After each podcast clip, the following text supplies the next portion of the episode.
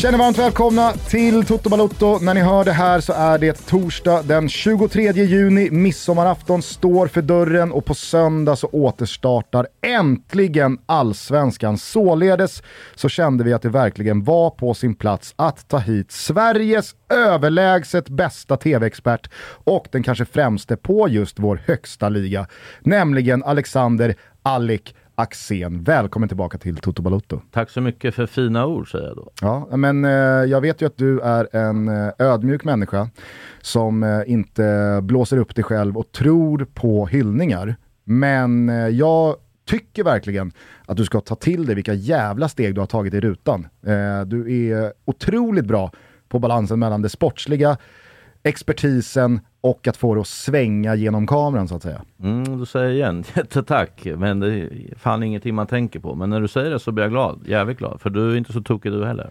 Thomas eh, på lina från Frankrike kan väl vidimera att eh, utvecklingen på Axén i rutan är eh, fullständig men också väldigt väntad. Ja, men jag skulle vilja backa bandet till den där första dagen när Alec eh, var på väg till kontraktskrivning på Simor och eh, innan, precis innan, någon timme innan så klev han in i våran studio och gjorde eh, det här officiellt. Men nej men det var, ju, det var ju en ruskig valp alltså som kom in på kontoret i Kungstensgatan 26. Otroligt erfaren såklart från alla tränaruppdrag och inom fotbollen. Men det här med media, det visste inte Alec riktigt hur det skulle gå till. Och framförallt så kunde han inte förhandla sina kontrakt. Det var 3000 spänn per sändning och han frågade väl som Erkan Sängen gjorde, är det netto eller brutto? Nej men du ska fakturera här. så att från det så misstänker jag också Alec att du har blivit lite mer mer erfaren och lärt dig dubbelfakturering som Backe pysslar med och sådär? Nej men jag fick, jag fick lära mig den hårda vägen, så är det ju. Och ni, ni hjälpte ju mig lite ja. i alla fall. Men eh, att fortfarande förhandla är jag jävligt dålig på, det måste jag säga. Du bodde ju på en luftmadrass ja, fortfarande... Eh, hemma hos din polare i Vasastan första året, ovetandes om att du kunde ta liksom, hotellnätter som då Discovery skulle stå för. Ja men tänk, de har inte så mycket pengar på Discovery, Nej, men, eller på eh, Simon. men det är ju så att Eh, jag är ödmjuk vet du. Jag tycker det var kul att träffa han också. Så det var lite, lite så också. Men eh, någon gång var det stökigt när han skulle eh, göra någon sladdis kanske. Så då fick, man ju, då fick jag ju bo ihop med Anders Andersson på hans klassiska, vad heter Adlon, heter det så hotellet? Ja det gör det väl. Ja herregud, hamna på en tvåsitssoffa, låg i fosterställning i, i fyra timmar. Det var det sjukaste jag gjort.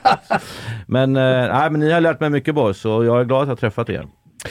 Eh, jag tänker att eh, vi har jävligt mycket att avhandla i denna allsvenska special, som till många lyssnares stora glädje alltså kommer spänna över både torsdag, idag och då midsommarhelgen, men också måndagen eftersom alla 16 allsvenska lag ska in i elden här efter ett eh, månadslångt uppehåll eh, på söndag respektive måndag. Så gör vi så Thomas att vi delar upp den här långköraren med Axén mm. och så pratar vi om eh, de eh, fyra matcher och åtta lag som spelas på söndag i det här avsnittet de fyra matcher och åtta lag som spelas på måndag i Måndagstoto som superproducent Kim Hirsén får ut 05.00. På måndag så blir det en riktig jävla fullskalig eh, omstart här på Allsvenskan. Gåshud, jag tycker det är jättebra. Och eh, som sagt, återigen stort tack eh, till Alec då som har kommit in i studion och, och stöttar upp oss här nu inför den här allsvenska omstarten. Också roligt känner jag, jag vet inte med dig Alec, men att vi går in i en period som är väldigt intensiv med svensk fotboll, men där den internationella fotbollen ligger helt nere. Eh, nu börjar ju damernas mästerskap först den 9 juli, så att det blir liksom, eh, i all media och i liksom allt fotbollssurr så blir det ett, ett koncentrat av allsvenskan. Och dessutom mitt under sommaren då, egentligen de bästa månaderna att spela fotboll. Jag, jag, jag tycker att det är en härlig tid vi går in i. Ja, verkligen, det har du helt rätt i. Och för en gång skull kanske jag inte ska frysa när jag gör matcher heller. Det har varit helvete det här jävla året hittills.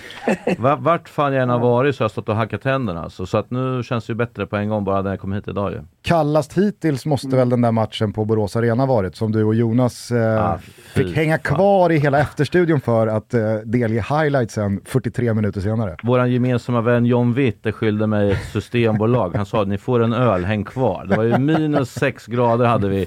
Och så står de med kostymer, du vet på Tele2 med stängt tak. Ja, vi har 17 grader börjar Tommy Åström. Då hade vi stått och väntat 35 minuter efteråt. jag var tokig, jag höll på att tappa det då faktiskt. Men att, eh, ja, Eh, det har inte varit, vädret har inte varit med oss, så kan man säga. Nej. Eh, jag tänker att eh, vi ska blicka väldigt mycket framåt, men man måste såklart ha koll på vad som hänt i backspegeln för att kunna liksom, få ut så mycket som möjligt av det som nu stundar under sommaren. Rent generellt bara utifrån din tränarerfarenhet, var någonstans befinner man sig just nu som lag? Man har spelat en tredjedel av serien, man har haft ett uppehåll, lite semester, lite halvsåsiga träningsmatcher och nu ska man in i en intensiv sommar. Eh, börjar liksom säsongen om här nu eller är det bara att trycka på play eller hur ser dina erfarenheter ut av just sådana här återuppstarter efter ett uppehåll i juni? Eh, den är inte som i premiären, men det är, heller, det är också en liten form av omstart. Det man brukar säga annars är att efter tio omgångar så har liksom serien satt sig så att du vet om du är i toppen, mitten eller botten. För det brukar vara så sen även till 30 omgången. Sen kan det studsa några liksom, placeringar hit och dit, men annars vet man, att man vad man tillhör i det här läget. Då. Sommarfönstret kan ju innebära lite förändring också, ja, men där det, är vi inte än. Nej, och samtidigt så, som det är nu så är det de väntade topplagen är ju där uppe, så att det, det, kommer inte bli någon speciell grej. Och de förväntade bottenlagen är också där, så även om de köper nu så kommer det bara hänga i tror jag. Eh, Däremot så är det ju alltid lite osäkert, men, men nu måste jag vara ärlig och säga att de hade ju bara vet, mellan 7 och 10 dagar ledigt och det är ju ingenting. Liksom. Så det, man startar ändå på en högre nivå på en gång. Så att eh, eh jag säger att lagen är fullt rustade till första omgången och att det kommer bli bra matcher på en gång. Men tar man eh, fortsatta utvecklingskliv från den tionde omgången eller har man gått tillbaka lite och så får man börja om lite på ruta tre? Uh, nej, alltså om vi, om vi, bara pratar Häcken till exempel som flög fram. De hatade ju att det varit, av, att det varit avslått, uh, liksom att det varit eh, säsongen la av. För att de hade kunnat spela varje dag kändes det som framåt och hitta sätt att vinna. Sen finns det ju andra lag som Malmö som mådde bra av det här uppehållet. Få ihop sina skadade och börja om igen och sådär. Men kvalitetsmässigt så går man inte ner någonting. Sen är det ju ändå så att första matchen direkt efter omstart sätter ändå en viss typ av känsla för vad man går vidare på.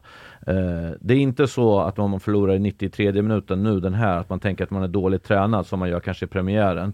Men man kommer ändå känna att eh, eh många bitar är redan på plats och eh, eh, det är många omstarter på ett positivt sätt och, och, när det är så här varmt och skönt att träna och glädjen är liksom där så känner jag ändå att de allra flesta lagarna går in med ganska positiv känsla trots att man ligger sist kanske. Du eh, nämner ju Häcken här och jag tänker väl att det är rättvist mot dem att börja i den änden eftersom de leder serien. De eh, startar om här nu borta mot Bayern på Tele2 på söndag 15.00. Man har på de tio inledande omgångarna skrapat ihop 23 poäng och toppar därför tabellen på bättre målskillnad än AIK. AIK har spelat 11 matcher, dessutom som besegrade ju Häcken Gnaget i premiären med 4-2, siffror som snarare luktade 5-1 än 4-3. Eh, hur förvånad är du så här med lite distans över att Häcken dels leder tabellen, men också att det har sett så oerhört bra ut som det har gjort stora delar? Mm. Jag, jag, kan väl säga att jag inte trodde att de skulle vara i toppen. Eh, däremot så kände jag liksom att han är en otroligt erfaren tränare. Så när han kom in, då började han med några segrar direkt. Och sen så gick det tillbaka till det här lite sämre, som det oftast gör. När det kommer en ny tränare så kan det bli en bra effekt och sen går det ner lite. Avslutningen förra året var sådär och man gick ju hårt på norska och danska spelare och, och liksom nyförvärv. Och jag sa lite innan att det är rätt så farligt av Martin Eriksson att gå, gå med det här tåget för att om det blir dåligt och man måste byta tränare och så ska man ta in en svensk tränare med massa norska och danska spelare, då är man illa ute.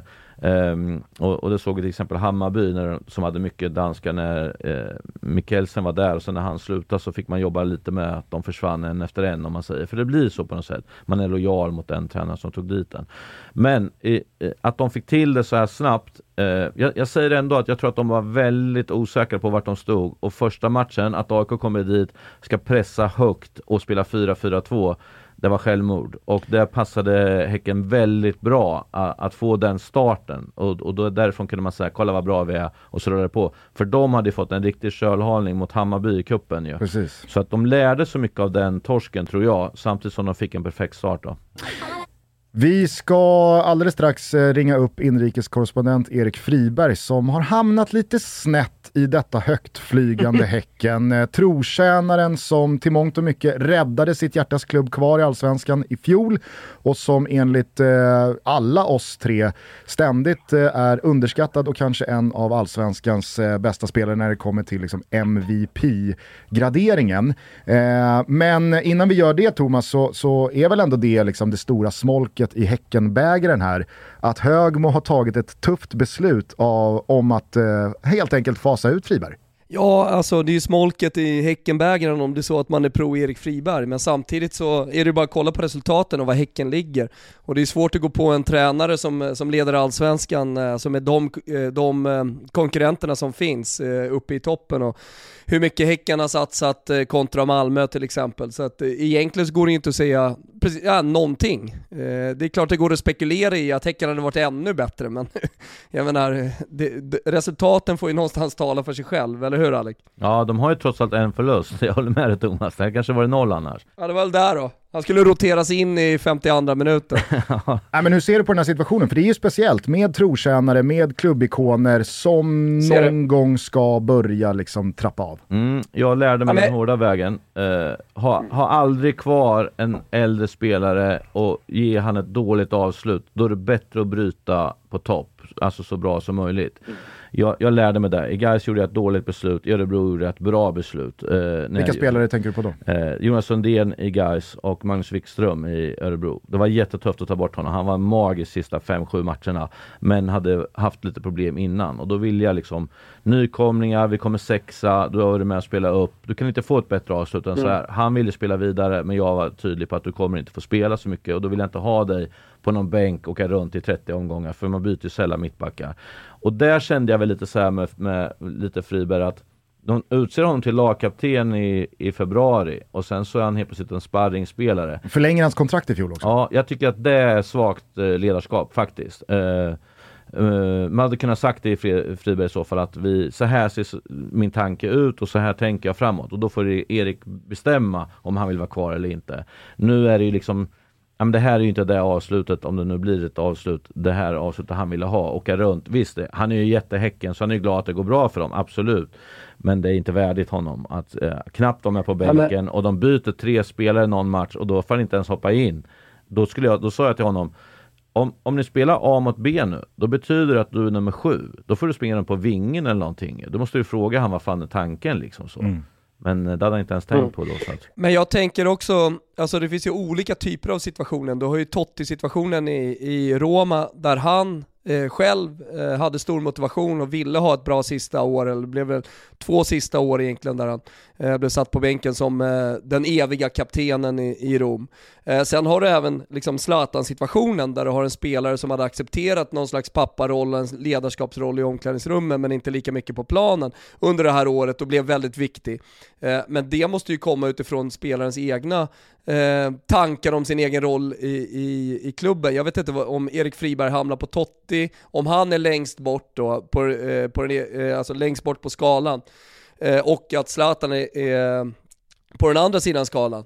Eh, om han hamnar någonstans i mitten eller om han är eh, liksom väldigt, väldigt nära Totti-situationen där han verkligen vill spela. Det känns i alla fall för mig, får fråga Friberg, att han är någonstans lite mittemellan. Att han fortfarande kan ta en ledarroll eh, i omklädningsrummet. Jag vet inte, vad känner ni? Den Erik Friberg jag känner, han eh, hade nog väldigt, väldigt gärna spelat eh, 85 plus minuter ja, vecka ut och vecka in i ett serieledande Häcken så här i slutet på karriären och faktiskt gett det där SM-guldet med Häcken ja. en sista chans. Ja, jag har svårt att se han gå till någon annan klubb faktiskt. Eh, hans kropp eh, börjar bli lite sliten också med någon vadskada hit och dit och så. Han var ju borta rätt mycket förra året. Då vann väl en match på 16 eller någonting när han var borta och sen vann de ju nästan alltid när han var med. Eh, så det, det, är väl kroppen också som har liksom på något sätt. Men, men det är lite som ni säger, jag, jag tycker man ska vara så pass ärlig och prata med honom. Så här ser vi på det. Vi kommer spela dig ibland och sådana saker. Så får man ta ett beslut. Men att, att liksom slå på stora trumman, att förlänga, ge binden och sen säga att du är en sparringspelare. Det är, det är en magsopa som jag tycker inte håller.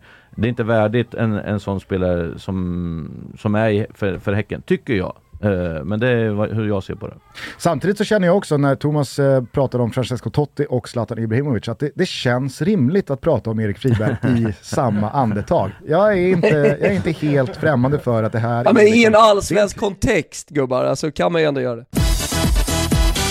Vi är sponsrade av K-Rauta, jajamensan. Hörrni, hur många är det som står där eh, på landstället och eh, snickrar och sågar och har sig och tänker fan jag skulle behöva det här verktyget. Äh, men då är det läge att gå in på koralta.se eller i ett varuhus för att kunna utföra dina projekt som du behöver göra. Och då behöver man ju såklart de bästa verktygen och som ni vet så älskar vi Ryobi och Corauta har ju en massa fint från deras sortiment. Köpte nyligen en kompressor till som jag ska med mig när jag ska ut på sommarkupper så jag kan pumpa mina bollar. Kostade en femhunka ungefär. Bara kliva rätt in på K-Rauta. Jag håller ju på mitt i en renovering och jag kan bara rikta ett stort tack till K-Rauta som har varit med mig från ax till limpa. Glöm heller inte att bli medlem i deras kundklubb för att samla bonuspoäng hörni och ta del av alla deras erbjudanden. Slänger in här. En Ryobi trimmer slash skruvdragare kit 18 volt. 1399 styck. Har kostat eh, 2399 innan. Så att eh, det finns hur mycket som helst. Det är bara att gå in på ett eh, varuhus eller korauta.se. Vi säger Kitos! Vi är sponsrade av Volt. Ja, men ni kan det vid det här laget. Det är ett multibrandutbud för män, internationella produkter, kombat med Skandinaviens bästa designers, Filippa K, Tiger of Sweden, Jill Lindeberg, Disclory Days, Oskar Jakobsson, Samse Samse och många, många fler. finns 40 butiker från Malmö söder till Umeå i norr. Men voltfashion.com finns ju också om man bara vill nätshoppa, går ju hur bra som helst, snabba leveranser och allt det där. Hörni, det stundar midsommar. Det är väl dags att skapa sig en liten outfit. Ah, tipset är om ni kan gå in i en voltbutik. för där får ni otrolig personlig service och man blir inspirerad. De har så jävla härliga butiker, så man vill gå in i en, eh, i en voltbutik och få hjälp med den där midsommaroutfiten. midsommar-outfiten. Man kan faktiskt gå in i en voltbutik och bara säga så här, fan, vet du vad? Jag vill vara lite linneskön här nu till exempel, till eh, midsommar. Och gillar man inte linne, ja men man kanske vill ha den där sköna pikén eller man vill eh, komma en piké med ett par shorts. Inga problem. Ni går in i Voltbutiken, ni får hjälp. Vill man trots allt vara hemma så är det voltfashion.com som gäller. Och hörni, vi har pressat dem. Vi har sagt till Volt-killarna och tjejerna att vi behöver en rejäl kod här nu till midsommar. Så med Toto20, Toto20 så får man 20% rabatt på ett helt köp, både online och i butik. Och det går inte att kombinera med andra erbjudanden. Den gäller fram till 30 juni. Men jag tänker att det är perfekt att passa på nu inför midsommar att skaffa den där outfiten. Vi säger stort tack till Volt för att ni är med och möjliggör Toto Balotto.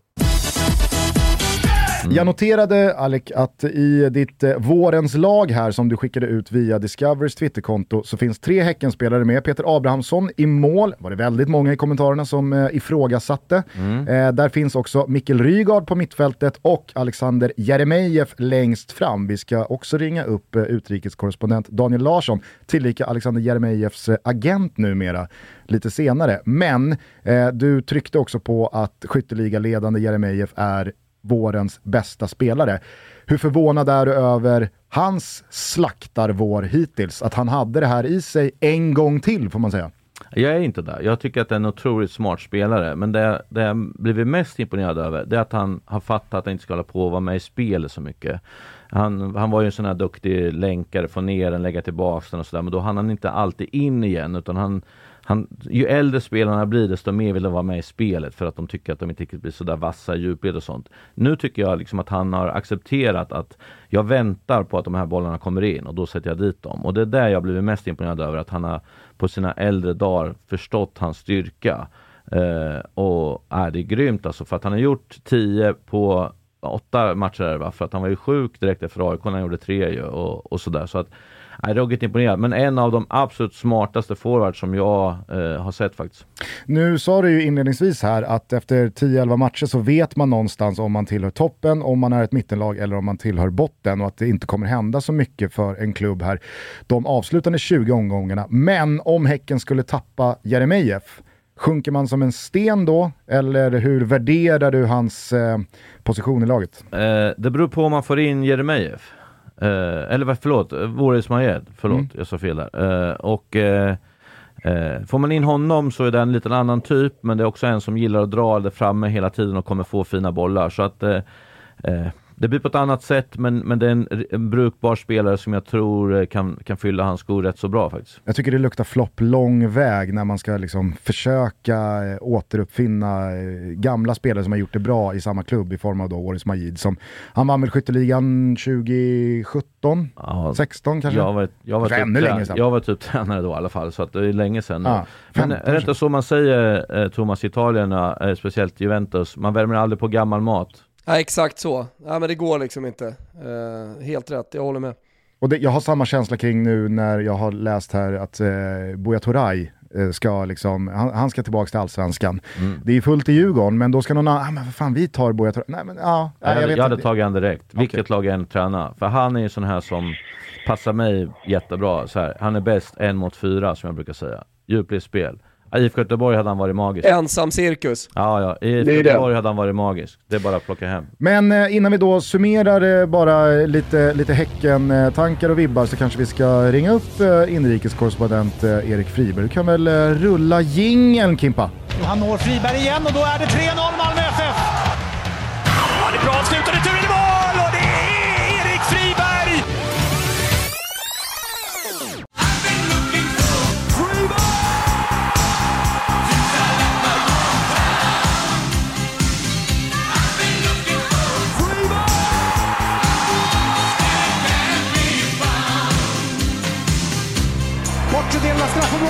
mycket nära, det är mål till och med!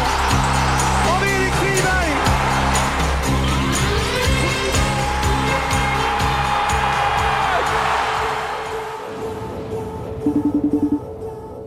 Hallå! Hur mår du? Ja, men jag mår bra. Jag sitter på möte här nu. Eh, Big business. Som jag avbryter med. Så ni har en tio minuter, en kvart. Ja, men, eh, Max. Det ska, det, det, ska vi, det ska vi kunna få ut mycket på. Vi har precis eh, konstaterat att det är ovärdigt dig och din karriär och din särställning i BK Häcken att du behandlas så här som du har eh, blivit behandlad under eh, första halvan av 2022. Ja, det vet jag inte. Det går ju ganska bra, så att jag tycker de, gör, de har gjort det ganska, är ganska rimligt här på, i efterhand. Ja, men Thomas var inne på det där spåret också, att eh, Erik eh, får tyvärr säga vad han vill och känna vad han vill, men leder laget serien mer eller mindre utan honom så är det ju också svårt att hävda att ett felbeslut har tagits. Har du själv liksom levt i det där känslokvalet att det är lika delar kul som jobbigt också att det går bra utan dig? Nej, alltså det var väl där i början man undrade lite vad, vad, vad fan hände nu då? Blev ju, vi kom ju från att egentligen vara start till att man var sjua på mitten. Så det gick ju ganska fort där under några veckor i början. Eh, men att det ska gå bra för Häcken är det ju aldrig något eh, snack om. Eh, det vill jag ju såklart. Och nu är det klart att när man väl har hoppat in och sådär så är det roligt att man, att man leder serien såklart än att man att man ligger i, i mitten och slåss. Sen är jag ju fortfarande kapten för, för gänget så att det, eh, det är klart man, man vill att det ska gå bra för oss. Och det är du fan med den äran. Vilken otrolig förebild du är, både på men kanske framförallt utanför banan. Ja, jag försöker. Har, eh, har någonting eh, förändrats på något sätt under det här uppehållet här nu inför omstarten? Eller är det samma lika position eh, trupphierarkiskt? Ja, det är det väl. Man har väl nästan kommit lite längre ifrån ska jag säga. Vi har ju en afrikan som är en ung kille eh, som är oerhört bra. Romeo. Som nog är eh, bäst av alla nästan på mittfältet. Så att eh, han kommer ni nog få se mycket av. Men sen har det ju funkat så pass bra. Det är väl egentligen eh, nästan överlägset det bästa mittfältet som har, som har varit första tio omgångarna i, i serien, vårat. Så att eh, det är bara att eh, försöka få några matcher såklart, men eh, hoppa in och, och stänga matchen.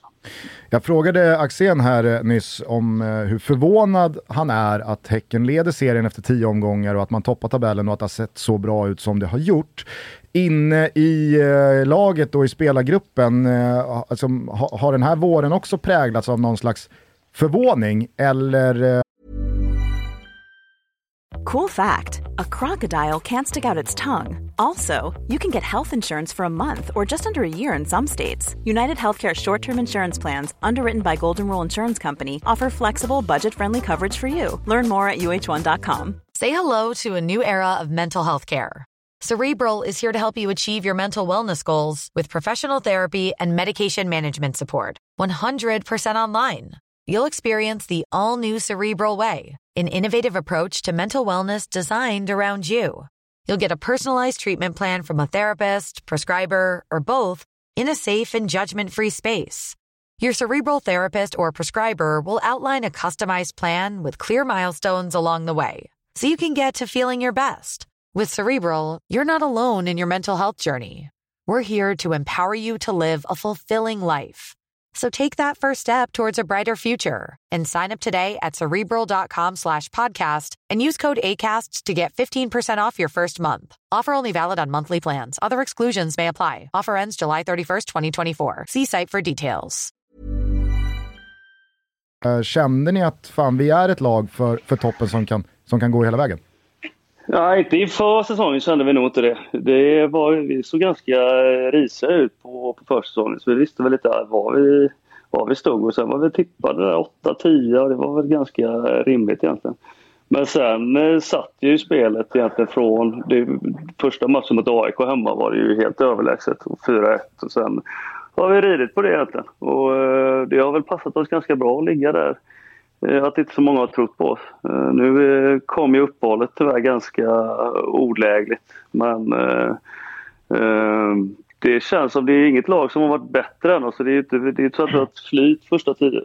Vi borde nästan haft ett par poäng till. Så att, nu handlar det väl om att behålla ett par eh, spelare som är på, på väg bort. Eh, Jeremejeff till exempel. Jag menar, han har gjort, han har gjort mål i varje match. Och det är, det är väl ganska viktigt om man vill vara med där uppe hela vägen. Men du har väl ganska tät kontakt med hans agent, Daniel Larsson? Ja, det är min agent också nu. hur, hur, mycket, hur, mycket, hur mycket bort är du på väg? Eh, ja, vi får se vad han hittar här. Men det, det ser väl sådär ut. Det är väl en åldersgrej, säger han. Men eh, det, det, det, låter ju nästan som att ni två har snackat ihop er inför här. För att eh, det är, det är nästan eko på din, eh, din slutsats och bedömning av Häckens första tredjedel här. Ja, men... Eh, ja, men det är... jag, jag känner... Vad är det mellan mig och Axén? Ja. Hej Erik. eh, nej, men jag, jag känner ju typ... Eh, ni har ju mycket spelare, det har ni ju alltid haft ju. Men, men jag, jag tycker att några av spelarna kan inte missa för då kommer det gå dåligt. Och sen är jag fortfarande väldigt, väldigt frågetecken på ytterbackarna faktiskt, måste jag säga. Eh, även om ni har vunnit de här tio matcherna har gått jättebra, så det är inte, det är inte wow, säger jag. Eh, ja, jag tycker väl att Kristoffer eh, Lund har nog varit en av våra bästa spelare som vänsterback. Så det håller jag inte med dig alls. Nej, vad skönt. Ja, det är faktiskt mm. uppfriskande att ni två kan se olika på saker och ting ibland. Eh, men mm. eh, Bayern här i omstarten borta på Tele2. En, en seger där och en Europafri sommar. Så tänker jag att ni måste väl ändå börja känna att ja, vad fan, varför ska vi inte gå för guld, eller? Nej, men det är väl klart. Ja, alltså, det är väl inte så jävla klart när det kommer till Häcken. Det känns som att... nu som, som vi är med så är det väl klart att leder vi efter halva serien till exempel så finns det väl ingen anledning att, att gå för en femteplats. Nej. Nej, och jag tänker att eh, då finns det också ett sparkapital i just dig att stoppa in när det väl... ja, men, alltså, det, ja, ja. det där är väl ingenting att garva åt, utan jag tänker att alltså, när det är crunch time, när man står vid den där T-korsningen, ännu en fjärde plats med fjäder i hatten för Häcken, eller att man faktiskt ska bryta den där barriären och ta det där guldet, så är väl just en Erik Friberg-spelartyp en spelare som kan göra skillnaden. Ja, men han kan komma in och påverka matcher. Det gjorde han ju förra året mot IFK Göteborg till exempel. De är helt utspelade. Så går han in med en vad och står som en quarterback och bara kastar in bollar så gör de 3-1. Och sen får han gå ut igen och så blir det 3-2 och missar straff i slutet. Så, så för mig, hans, hans liksom värde i Häcken, även om inte han har fått spela nu, är ju eh, för mig jättestor. Och att det här kan styra tempot i spelet. Eh, det spelar ingen roll om de möter AIK eller om de möter eh, Sundsvall, så hittar han eh, plats och yta och gör de andra bra. Det är därför man ser att de är ju glada de andra spelarna att de vinner och sådär, men man ser ju lite att eh, det tittar lite sådär på Erik ändå att ja, man vet inte hur glad man ska vara riktigt när inte han är med, för alla gillar ju så mycket att spela med honom och jag förstår ju det med hans kunskap där. Mm. Ja, du hör ju själv Fribben att eh, fan det är bara ånga på så är vi eh, nog ganska övertygade om att du kommer vara med och bidra eh, mer än vad du har gjort hittills den här säsongen till en framskjuten placering för Häcken. Kanske rent av hela vägen till det där första guldet. Det hoppas jag verkligen. Ja, men det är klart man vill börja lira lite mer, men eh, som sagt, ser det ut som det gör nu så finns det ingen anledning att, att byta någon av dem på mitten heller. Så att, eh, vi får se vad det, vad det tar vägen, men det är klart man hoppas att eh, man kan ta det här guldet Häcken. Sen så är det väl aldrig fel eh, att eh, damma av den beprövade metoden att eh, plocka fram lien på träningsplan och kapa någon av konkurrenterna. ja, men det blir det till slut såklart. Till slutet där. Sista fyra omgångarna. När det väl börjar brännas, då, då är goda råd dyra. då åker Rygaards hälsenen bara. Här kommer Fribergs lie. Ja. Undan pågar. Ja, men eh, Dunder, du ska få återgå till mötet eh, så ja. hörs vi eh, snart igen. Och, men vi stort... kanske ses till helgen till och med va? Ja, men det hoppas jag verkligen. Ja, jag jobbar då. Jag har också blivit bjuden alltså, på... Skicka er... B-laget på så pass. Ja. ja, det är kul faktiskt. Nej, men de, jag har blivit bjuden till en guldfest och att Lustans Lakej ska spela då. Har, vi har ju en som ringer in till våran podd, Fansgården i Sverige. Han Sam, han säger det. Vinner de gubbarna, då tar jag in Lustans Lakejer så ses vi. Då står du längst fram med mig. Jävla bra göteborgska va? Ja, han är fin Sam. Ja, ja. Kan man säga. ja, fans, får se. fans corner ångar på. Ja, det rullar på. Akta er Gugge. Friberg trogen lyssnare. Nej, det är han ju inte. Han vet inte hur man gör. Han är som jag. Det är sent på kvällarna. Vi har ändrat tid för din skull. Ja, just det. Så är det. Precis, ja, men jag ska bara precis efter Bolibompa är det nu. Ja. Mm. ja, nej, men eh, vi får väl se om vi ses på Tele2 i Stockholmsvimlet eller på Guldfesten på Hissingen i eh, höst då. Mm. Eh, bra. Hälsa och krama Malin. Eh, ja, du korsbandet här då. Nej. Va? Du ska ju dra lien på GPA, inte hemma i, i Billund. Nej, men jag, på Mali. Billinge. Klart man, rea, Billund. klart man reagerar. Bildal. Bildal. Samma skit. Jo, men eh, du vet när hon var håna också och spelade så, så får man kräva det. Var det gult kort, frågar jag. Nej, nej. Nej, det var det inte. ingen som såg. Det var bollen föll. Mm. Finns ingen VAR i Bildal. ja, äh, men eh, vi, vi, vi, vi hörs snart igen. Ja. Eh, då tycker jag att ba, vi bara eh, eh, snabbt summerar Häcken. Vi, alltså, vi, vi kommer aldrig klara oss eh, på, på två timmar om vi ska stanna så här länge vid varje lag. Men eh, vad ger du Häcken för, för möjligheter att eh, faktiskt hänga i här och vara med i, i guldstriden hela vägen in? Kommer sakta men säkert dras neråt till en femte plats ungefär. Det är det, det rimliga. Jag tänker annars att man har ett jävla smashläge här på att fortsätta vårens styva segel med att eh, eventuellt besegra Bayern i omstarten på söndag. Att det blir en sån där boost-match, att vinner man den, ja då är det som att våren har fortsatt. Mm, och det håller jag med om. Men det är ändå så att eh, de, de, de ska, de ska vara starka hela vägen. Alltså det enda, jag, jag, känner att det är lite rörigt, spelare som kanske är på väg bort och de nya måste träffa exakt rätt och sen samtidigt det är ändå så att de får höra hela tiden att det finns ingen vinnarkultur i Häcken och så, så till slut så kommer det bara dras sakta men säkert neråt och sen de andra lagarna kommer också nu steppa upp är jag ganska säker på. Ja. ja, å andra sidan så borde man ha lärt sig. Jag var väldigt mycket på Kaknäs för nio år sedan när Högmo tog över Djurgården. Och ju mer man pratade med honom och intervjuade honom och var liksom runt honom så kände man att det här är världens bästa tränare. Han har någonting ja, ja. jävla magiskt i vattenflarrorna. Så att eh, är det någon som ska göra det för Häcken så är det väl Per Messias. Ja, absolut. Eh, de har ju vunnit några cupguld också ska man komma ihåg. Så att det är inte det här att de inte vinner någonting. Men, men det är ändå så att det är jävla långt, 30 matcher alltså. Mm. Uh, så att, ja. ja nej, men får jag bryta in där bara, uh, Alec, och bara, bara hålla med? Alltså det är dags att vi kommer med några jävla åsikter här, en halvtimme in och bara massa jävla Häcken-surr. Folk, folk har väl liksom kopplat bort den här podden vid det här laget. Det är läge att gå vidare ibland Gugge! Ja! Uh, men men, men jag tänkte bara säga det med Häcken, det är väl, det är väl en, en fullständig självklarhet det Alex säger, att de kommer börja tappa. Eh, 30 omgångar är långt, alltså att hålla i där eh, när vädret börjar bli dåligt, hösten kommer. Men jag kommer fortfarande ihåg 1999 när Aftonbladet skrev att guldet är klart och så hade de AIKs logga. Och, och sen så kom Champions League och eh, så började man tappa. Sverige hade inte riktigt varit med om att ett lag ska dubbla och att det påverkar spelarna. Alla jag pratade med på den tiden, eh, 1999, som inte pysslade med spel och sånt där, de var ju såhär, vadå? Det är fotbollsspelare, det enda de gör är bara lira lite boll, det gör väl inget att spela var tredje dag? Ah, visst, sen började AIK tappa och sen så kom det där jävla offside-målet på Stavrum och så hade Helsingborg vunnit. Men, men, eh, men eh, när, när det drar ihop sig med 3-4 omgångar kvar, om nu Häcken mot all jävla förmodan skulle vara med i någon slags guldstrid, så kommer det ju såklart inte hålla. Tack för mig. Ja, härligt. Ibland behöver man gå vidare, men, och så kommer det ytterligare två minuter om, om Häcken. Men vi går vidare då med Häckens motståndare på söndag, nämligen Bayern, det kanske mest eh, utropstecken-betonade laget under 2022 hittills. Dels med ja, deras eh, cup-run mot finalen, med deras inledning på allsvenskan, men inte minst då med vurmen kring Marti Cifuentes, eh, den nya tränaren. Det blev ju förlust i cupfinalen mot Malmö. Vi var jävligt intresserade i Toto Balutto-avsnittet eh, dagen efter om hur Bayern kommer studsa tillbaka efter det här.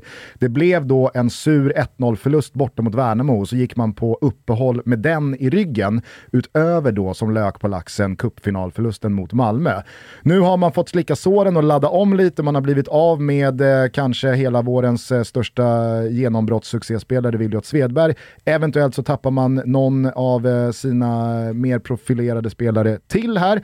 Eh, Astrid Selmani, kanske, vad vet jag. Men hur ser du på Bayerns fortsättning här med tanke på att det var så mycket av allt eh, under våren? Mm, alltså man måste ge ruggigt cred till honom uh, hur bra han kommer in och då hade han 8-9 matcher med kuppen som han de Cifuentes pratar om. Ja exakt. Men det är också till hans uh, tur egentligen att de inte vann. Uh, för alla som vinner någonting i Hammarby har ju fått sparken direkt. Så att jag sa det till honom på upptaktsträffen att uh, vinn nu ingenting för då får du dra liksom. Då sa han någon gång måste det ändras och så chansa inte. Det var det jag sa bara. uh, nej, det som är med Hammarby, jag sa innan att Hammarby kommer vinna höstallsvenskan som de nästan alltid gör. Frågan är bara hur långt efter kommer de vara? Och då är det faktiskt så att det ligger i pipen för att eh, de kommer kunna vara där ända längst in. Men sen hör jag nu mycket spekulationer om spelare ut och så ska spelare in och det är det är JAS, det är Lado som är, redan är borta, eh, Bojanic är tveksam, eh, eh, eh, Astrid Selemani ska bort, eh, Svedberg ska bort. Och det där är liksom, man, man, kan säga så här, han är otroligt duktig på att komma in och bara få ett lag att fungera. Men det är ändå det är rörigt och folk sitter och tittar på varandra i omklädningsrummet. Vem ska gå? När ska man gå? Vem kommer in? Hierarkin i laget, det håller alltid på att ändra sig så fort. Det kan räcka att en spelare kommer in så blir den annorlunda. Så att det, det känns som att det är en liten rörig period för, för Hammarby som de inte mår bra av. Det, det, det är min känsla. Kommer fortfarande vara ett topplag, eh, kommer spela bra fotboll och det där. Men jag tror att lite för mycket rörigt runt, runt spelarna så att jag tror att han kommer liksom, han bygger om för sitt Hammarby till nästa år. Eh, utan att de tänker på det så kommer de tappa lite tack vare det ändå. Väldigt många Hammarbyare försökte ju söka styrka i, eh, efter då cupfinalförlusten, att det inte skulle innebära då Europaspel och att det kommer gynna deras allsvenska fortsättning. Hur mycket vikt lägger du vid det där? Nej, alltså det var lite som han Björn, eller Kindlund sa en gång att uh, åka ut mot eh, uh, 11 busschaufförer från Lettland liksom är i första omgången. Vad spelar det här för roll att man har varit i Europa då? Det är väl lite så att man måste gå långt för att det ska sl slita. Eh, och för mig är det fortfarande, jag tjatade om det första gången vi var här, resorna är det som tar, inte matcherna. Att få möta bra motstånd i högt tempo och utveckla ditt spel och att du blir lite snabbare i tanke och fötter kan aldrig vara negativt, utan det är resorna som sliter. Och har du då rutin på det nu, som till exempel Malmö har, de vet ju exakt hur de ska resa och när de ska chartra i Allsvenskan och sådär. AIK börjar ju få den eh, möjligheten nu och sådär. Och det är väl det som är eh, grejen. Löser du bara resandet, då är, det, då, är det bara, då är det bara positivt att vara i Europa. Saknar man inte, på tal om det Thomas, saknar man inte Smoking-Gnaget som fick hybris med Champions League-miljonerna och började chartra plan när de skulle till liksom Gävle? Ja, ja. Nej, men det var, det var ju total gåshud. Man kollar liksom på Al Alec Ferguson, kan vi bygga ett eget hotell så att spelarna kan flyga hem direkt efter med ett privatplan och så, så liksom får de sova på träningsanläggningen så vi kan gå upp och äta en nyttig frukost och träna dagen efter, precis som en vanlig dag. Eh, och sen de värvningarna också. Det, det, det, jag tror att liksom den här AIK-hybrisen man pratar om, Eh, den fanns, eh, det, vet Alec bättre än mig, men den fanns inte riktigt på samma sätt där i början på 90-talet, 80-talet. Visserligen fanns det där att vi är störst, bäst och vackrast och alla hatar oss, men vad fan gör det? Det fanns såklart, men inte den här sportsliga hybrisen riktigt. Förrän då man började värva eh, K-mark i Tanga och Guldlänk eh, och så vidare. Då, då, eh, där byggde man den hybrisen som lever kvar än idag. Ja, men bara tillbaks eh, då till Bayern. Jag har två eh, frågor. Mm. Eh, nu var ju Erik inne på att Häckens mittfält mycket väl kan ha varit seriens bästa hittills. Det är ju dock ett väldigt anonymt sådant i allsvenska sammanhang med tanke på att eh, spelarna som utgör det inte riktigt eh, har någon allsvensk rutin från flera år där man har lärt känna spelarna. men Eh, om vi ser till Hammarbys eh, mittfält så det, det, är bara en, en högst eh, personlig åsikt, så tycker jag att mittfältet med Darjan Bojanic, eh, Nahir Besara och Loret Sadiko, det är ett av de eh, bättre jag upplevt de senaste åren. Håller du med? Ja, absolut. Och nu börjar det bli så att de bästa lagarnas bästa lagdel är mittfältet, så som det inte hade varit förut. Man spelade över det ganska mycket. Eh, nu vet man att man måste ha spelare som klarar av att vara liksom både och, men, men att... Eh, att man spelar mer genom mittfältet? Ja, och på ett snabbt sätt då också. Eh, gör ju att de bästa lagarnas centrala fält är det bästa. Och jag, jag håller med dig på ett sätt att de är lite, eh, för Rygaard var inte skitmånga som visste och när jag tittar på honom på bilder så såg man att han älskar att vara på ytor, du vet där man på skolgården, låt han vara där. Men han har överraskat på mig genom att eh, tappa i bollar mot Hammarby, sorglig mot dem, de har varit överkörda fullständigt i kuppen. Men att han kunde växla upp i tempot, det trodde jag inte riktigt. Och han är en av de som har spelat in mest bollar i straffområdet och till forwards och sådär. Men eh, Berggren och eh, Gustafsson är ändå halvgamla allsvenska. Men jag håller med dig. Hammarbys i, mittfält har ju, har ju varit bättre, det tycker jag. Och kommer bli bättre också ju mer han får spela nu. Jag tror att när det kommer till uh, Gustafsson så är ju det en spelare som, han stack ju så pass tidigt mm. att ganska många inte hade sådär jättebra bild av honom. Nej, men det kan jag med och sen så har man inte följt honom sådär jättenoga utomlands heller. Nej, nu är det... han tillbaka och så har man ingen glasklar bild av honom. Gustav Berggren har jag egentligen bara sett som liksom Ja, han är där inne och stör Friberg och ja, Falsetas. Ja. ja. men jag håller med. de har berättat för mig många gånger att Skitbra han är så Gustav Berggren ska jag säga. Han är så jävla bra, allt till mig. Jag har inte riktigt sett det, jag måste säga det. Men i år har han fått spela lite offensivare och de har varit med och gjort några mål och sådär. Men jag är inte lika imponerad som alla andra är faktiskt. Så. Men eh, Hammarbys då, eh, jag sa att Besara blir topp tre lätt bästa värvningen och alla tittar på mig som jag var en idiot och bara såhär, du vet det klassiska, det är bara för dina spelare, du skyddar alltid dem och du hyllar alltid Astrid och du hyllar, vi får se typ, ja vi får se sa jag då. Och han har varit magisk och han, det jag vet med Besara är ju att han är den perfekta länken mellan tränare och ute i, i spelet därför att han är som lagspelare så är det larvigt. Alltså jag blir förbannad. Jag fick, jag fick ju säga till honom tusen gånger, skjuter du inte och byt ut det? Jag blir tokig alltså för att han är för ödmjuk. Finns det någon som har bättre läge? Ska jag spela istället? Han fattar ju egentligen inte riktigt hur bra han är och det är ju samma dag i derbyt när de mot AIK att han låter då eh, någon annan slå straffen istället för att han ska göra det. Det är så typiskt han på något sätt. Så, så petar man lite på honom så kommer det kunna finnas en utvecklingskurva ännu mer ändå trots att han varit jävligt bra nu. Trots åldern? Ja absolut. Det. Och han, han vill ju, han älskar fotboll och vill bli bättre hela tiden. Och det är det man gillar med sån spelare. Men säger du något taktiskt, då ser han till att det fungerar där ute och inga utsvävningar och inte gör någonting annat utan han är verkligen den perfekta spelaren för en tränare och jag vet att eh, Martin ville ha honom eh, mer än vad Hammarby vill ha honom. Och det märktes på lönen men nu ska de eh, förhandla om att eh, förlänga och greja och då kommer det bli den lönen han är värdig att ha. Eh, min, min andra fråga, eh, det var egentligen kring då Marti Cifuentes och hans fotboll. För det är väldigt många, inklusive mig och Thomas, som har ryckts med i liksom Cifuentes-hypen, sjungit ramsan i duschen många månader. Eh, men med de eh, elva omgångar har Bayern spelat och den cup-run man gjorde. Med, med det i ryggen, vad skulle du säga är liksom den största förändringen från Billborn, sedermera Milojevic, eh, Hammarby till Cifuentes, Bayern. att de eh, älskar possession eh, och det märks när man jobbar på dem. Det börjar knaka lite att man går för lite mot mål, att man väntar på det här perfekta läget hela tiden som man gör när man spelar possession. Det, men det innebär att du får väldigt lite målchanser emot det. Därför att du får spela ner lag och när du tappar den så är du väldigt bra på att vinna tillbaka den för att de blir nedtryckta.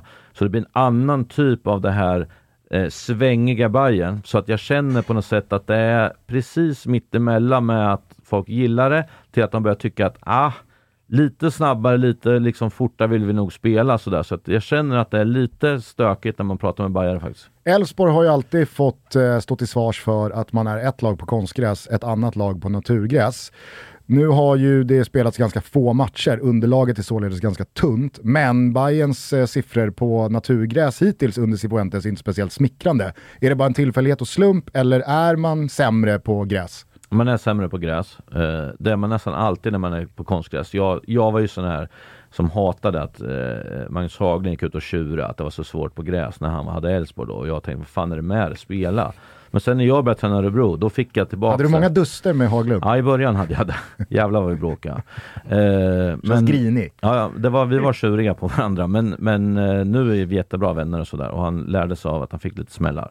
Men eh, eh, det är stor skillnad. Därför att om det är till exempel tre meter mellan spelarna på konstgräs, då kan du piska in bollen där.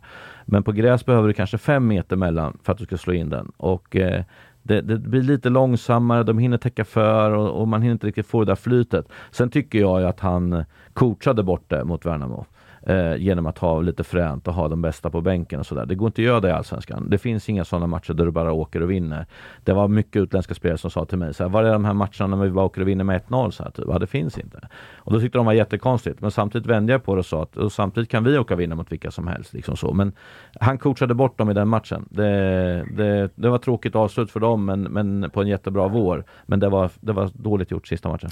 Thomas, eh, du är ju eh, ökänd för ditt glasklara eh, öga in i framtiden och ditt kristallklara kikarsikte. Hur ser du på Bayerns fortsättning här 2022? Ja, framförallt så är jag ju känd för det. Jag är inte så jävla mycket ökänd. Men, eh, nej men Alltså det, det, det, finns ju lite olika sätt att se på det, alltså jag är helt med, vi pratade ju om det inför den där bortamatchen mot Värnamo också. Eh, med tanke på det tuffa spelschemat, eh, jag tyckte att det var konstigt också hur matcherna låg, jag förstod det förstås också eftersom det var landslag och sådär, men att, att det låg nära kuppen och, och allt det där. Eh, men de hade en ganska lätt inledning. Frågan är eh, liksom hur boostade eh, man är i tabellen, eller var i tabellen, eh, på grund av det lätta spelschemat man hade. Det har man i alla fall med sig tanken i analysen här nu inför Hammarbys framtid. Man vill ju se dem i de stora matcherna, fortsätta att prestera, fortsätta att få resultat på sitt bollinnehav också. Det finns många lag, internationellt och eh, kanske inte lika mycket i Sverige, men i Sverige också, eh, som har haft väldigt mycket bollinnehav och spelat en väldigt fin fotboll men som inte har haft, fått resultaten med sig. För det tycker jag är det svåra med att vara ett lag som Hammarby, att dominera matcher, men att inte bli straffade. Eh, det, det är få tränare, även på den högsta internationella nivån, som har lyckats med det. Eh, Pep Guardiola är en, men lyckas inte i kuppspelet. Eh, Klopp, jag vet inte om man, man, skulle kunna nämna dem lite också eh, som den typen av lag. Annars är det ofta de cyniska lagen som i slutändan vinner, eh, eh vin, vinner ligorna. Så det, är få, det är få lag som tidigare har lyckats spela som Hammarby och gå hela vägen säger jag bara. Och eh, när det finns så starka konkurrenter som är betydligt mer cyniska eh, så, så, så är det svårt att se att Hammarby i alla fall i år ska lyckas gå hela vägen efter det man har sett. Och jag, jag, ska också väga in, sorry, jag ska också väga in det Alex säger här nu. Med nyckelspelare som lämnar.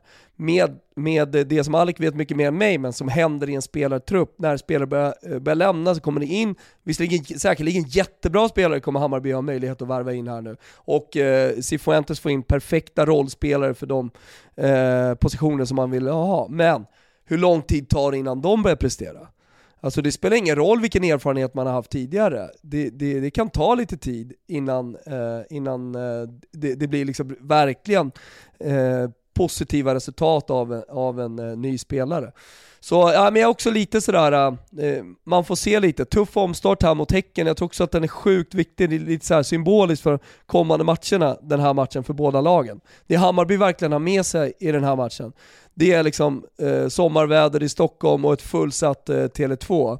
Det har varit corona i ett par år, Eh, jag, jag, tror ju att de här lagen med väldigt mycket publik och nu med Hammarby då, som har fått en positiv start ändå på, på, på allsvenskan, kan dra enorma fördelar. Och det här är typiskt en sån match som Hammarby faktiskt kan, kan ha den här tolfte spelaren och, och, och vinna även om inte allting stämmer.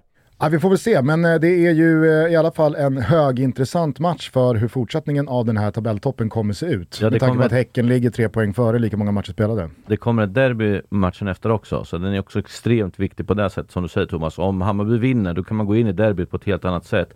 Förlorar de så ska de in i ett derby direkt, för att där kan vi ju ändå komma överens om att AIK, Djurgården och Hammarby ligger med i toppen nu. Det laget som kommer trea av dem, oavsett om det skulle bli etta, tvåa, trea, så kommer det vara otroligt grinigt och, dålig liksom, energi och sådär Så att de här matcherna som, som kommer nu för Hammarby, de är helt, helt avgörande för hur det kommer bli. Alltså.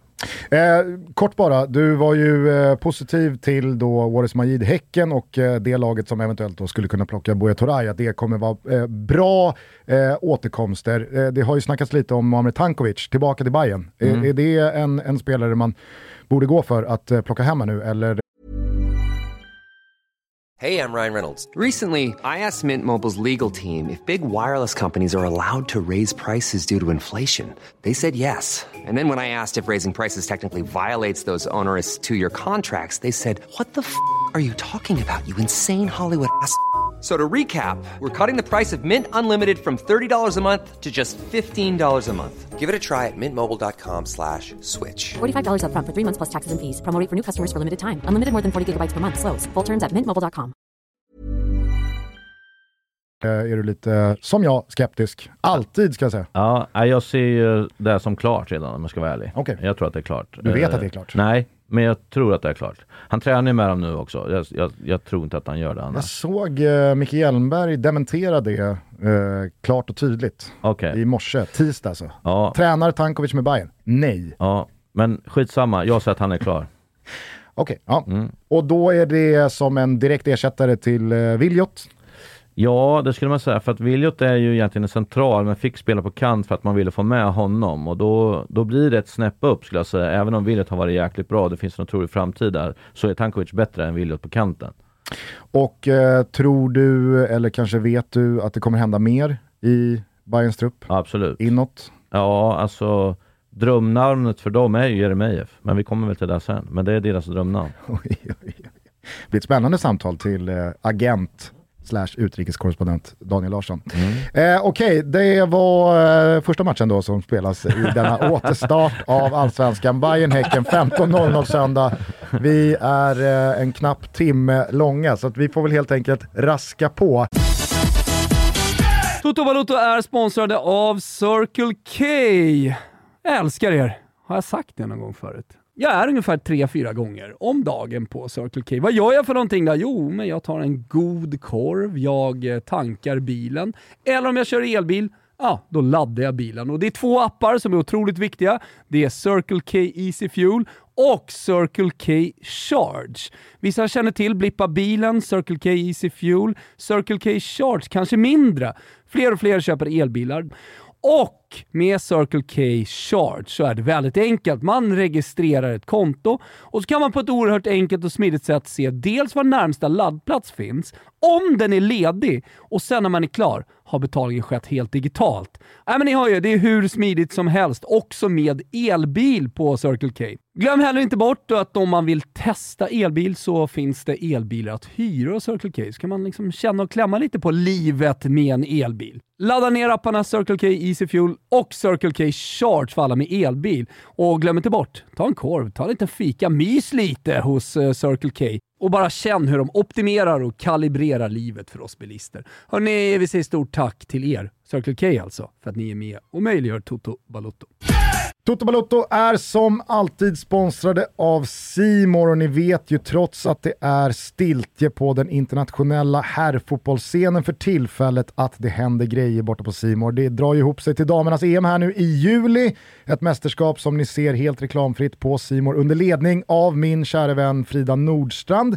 Men det finns ju så mycket mer än bara fotboll på Simor också att förkovra sig i. Där finns ju eh, fartblinda andra säsongen, där finns Hamilton alla säsonger. Där finns Brittboxen med Peaky Blinders, eh, The Cleaner med mera, men framförallt så kan man ju också unna sig att se alla Beck-filmer hur många gånger man vill.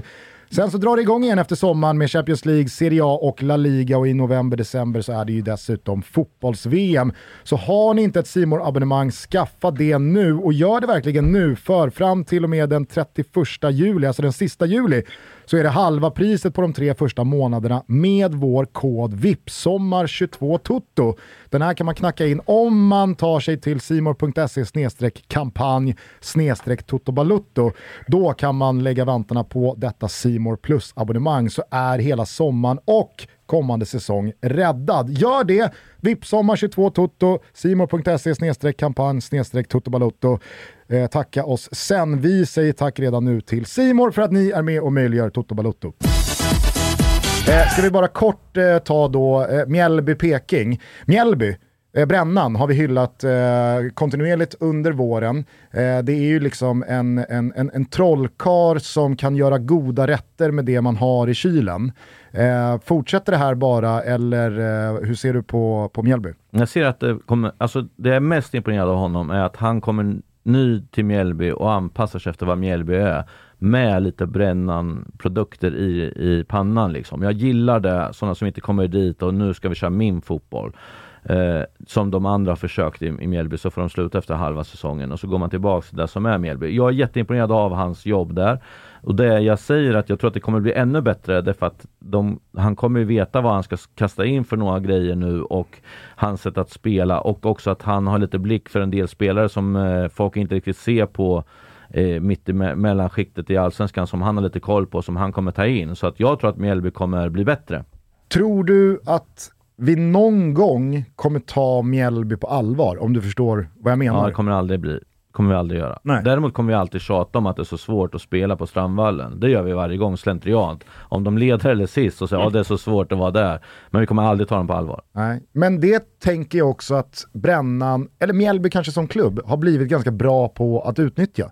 Jo men de här lagarna som Varberg, Mjällby, Kalmar och så här, om man nu säger de har fattat eh, hur man ska hänga kvar och etablera sig som det så fint heter med, genom att göra sin grej bara och inte någonting. Alltså de gör det de, där de kan och inte där de vill och det är det som är så imponerande med sådana lag. Annars kommer det upp lag och det studsar upp och blir topp ett tag och sen rasar det ner igen för det finns inget lägstanivån är bedrövlig typ och det ska bytas tränare och nya spelare och sånt. Så de här lagen ska man inte underskatta som, som liksom Sirius också som som har hittat sin mittenriket och det är inget fult i det. Om vi frågar Örebro idag skulle ni vilja komma nia i Allsvenskan? eh, kontra det de gör idag. Här har du hummen. Exakt. Mm, jag fattar. Men om eh, Mjällby då är väldigt mycket vad man kan förvänta sig av eh, Mjällby och att de har fortsatt bygga vidare på de fina resultat man gjort här senaste åren så är det, i alla fall i mitt huvud, betydligt svårare att sätta en etikett och kanske en riktning på IFK Norrköping hur har du följt eh, Peking senaste halvår med, med, med Norling vid, vid rodret? Att, att han anpassar sig igen. Eh, från att han gick eh, all in i AIK med full markering över hela banan till att han gick till eh, offensiv planhalva för att sen gå tillbaka i positionsförsvar till att nu eh, backa tillbaka lite till därför att alla lag lärde sig hur Norrköping gjorde. De spelade tre passningar i sidled och så vippade man bara upp den och nian hade kommit och mött med någon mittback och så var det springtävling en mot en eller två mot två. Det var alldeles för enkelt att komma förbi Norrköping. Nu har man lärt sig där lite. Eh, men det är rörigt som vanligt där skulle jag vilja säga. Men spelar ut, spelar in och, och liksom, det finns ingen riktig harmoni just nu som det känns liksom i vad man vill göra tappade också den här superscouten nu då, och, som har gått till IFK Göteborg och, och sådana saker. Det känns, det känns lite rörigt runt Norrköping. Um, så att uh, de kommer, det kommer bli så här fantastiska matcher. Jag gjorde sista matchen mot Elfsborg. Det var helt brutalt vilken rolig match det var att göra. Och så kommer det bara något riktigt sån här sänke helt plötsligt. Så att det, det är med så här femma, sexa någonstans där. Det, det är tyvärr så det blivit för Norrköping nu. Hur eh, tungt blir tappet av eh, Abdullah Razak, Ishak? Alltså jag tycker han är bra och sådär men det är ingen wow-spelare med bollen liksom. Så att han är bra att bryta och springa med den sådär men han är ju, han, beslutfattande är ju noll skulle jag säga. Så det är bra gjort att få så mycket pengar från honom. Hur nära var det att Norling fick eh, gå i inledningen?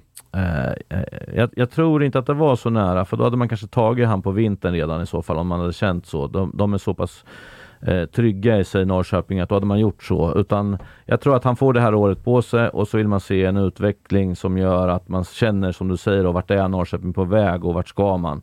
Eh, kommer inte den, då är jag ganska säker på att det är över. Mm. Jag eh, tänker ju att eh, Norrköping, alltså att man egentligen sen guldet har försökt bygga om och bygga nytt och komma bort från det som var. Men att de pusselbitarna, de går liksom i cykler och är tillbaka efter ett år eller två. Och att det, det är absolut inte samma lag, men du förstår vad jag menar? Att man, mm. man står och trampar lite med samma ingredienser fortfarande. Så att jag har, jag, jag har så jävla svårt att se var Peking är på väg någonstans. Ja, jag håller med om det. Och så när vi liksom, man, man, man ger alltid cred till Nyman, han gör alltid mål, jag tycker han är svinbra liksom och så. Men det, där var det mycket arbetare i år. Alltså det är för lite offensiva spelare. Alltså det är Levi och Nyman. Jag, jag ser ingen annan. Det är bara gnuggisar liksom. Och det är inte den Norrköping vi har liksom lärt oss att älska, eller vad man ska säga, när de spelar på sin plan och det bara forsar fram och det är överlapp och det är inbollar och det bara smäller och man fick inte nudda bollen. Man stod bara och hoppades att bussen skulle snart åka liksom. Den är ju inte så längre, utan det blir, man har ju börjat gjort på något annat sätt. Och mm jag håller med. Liksom, han, Rashak spelade ju högerytter förr i tiden, nu är han centralfält. Och så. Det, det är mycket, tycker jag, lite för mycket fotbollsarbetare, lite för lite lirare. Jag tycker Norrköping ska ha mer lirare och mindre arbetare. Jag tänker också att eh, Totte Nyman aldrig kommer vara en spelare som gör 30 matcher, utan att han är Nej. ganska känslig för småskador här och där och att det är väldigt, väldigt glest bakom honom. Ja, så är det. Och Eh, han, gör sina, han kommer göra sina 10-15 mål, det gör han alltid oavsett hur mycket han spelar. Men det blir mer och mer tryck på honom i och med att de andra inte riktigt levererar. Så att, eh, jag sa faktiskt till honom innan eh, Elfsborgsmatchen att eh, fan, jag har ju tippat dig som skytteligan, dags, du måste göra två idag för att det ska bli bra. Så pekade han bara upp till mig för att kommentera, så gjorde han bara så här, jag gjorde två. Så, så att, han lyssnar i alla fall, det är Du får piska på honom fler gånger. Ja, får göra mer Norrköpingsmatchen. Eh, vi har också på söndag Giffarna Sundsvall mot Djurgården. Giffarna eh, var väl eh, av alla nederlagstippade inför den här säsongen och det var inte speciellt förvånande att man under våren eh, led ganska svårt eh, i, i många matcher. Eh, finns, det, finns det någonting som du tycker talar för Giffarna här nu över sommaren, hösten? Nej, vilket jävla haveri alltså.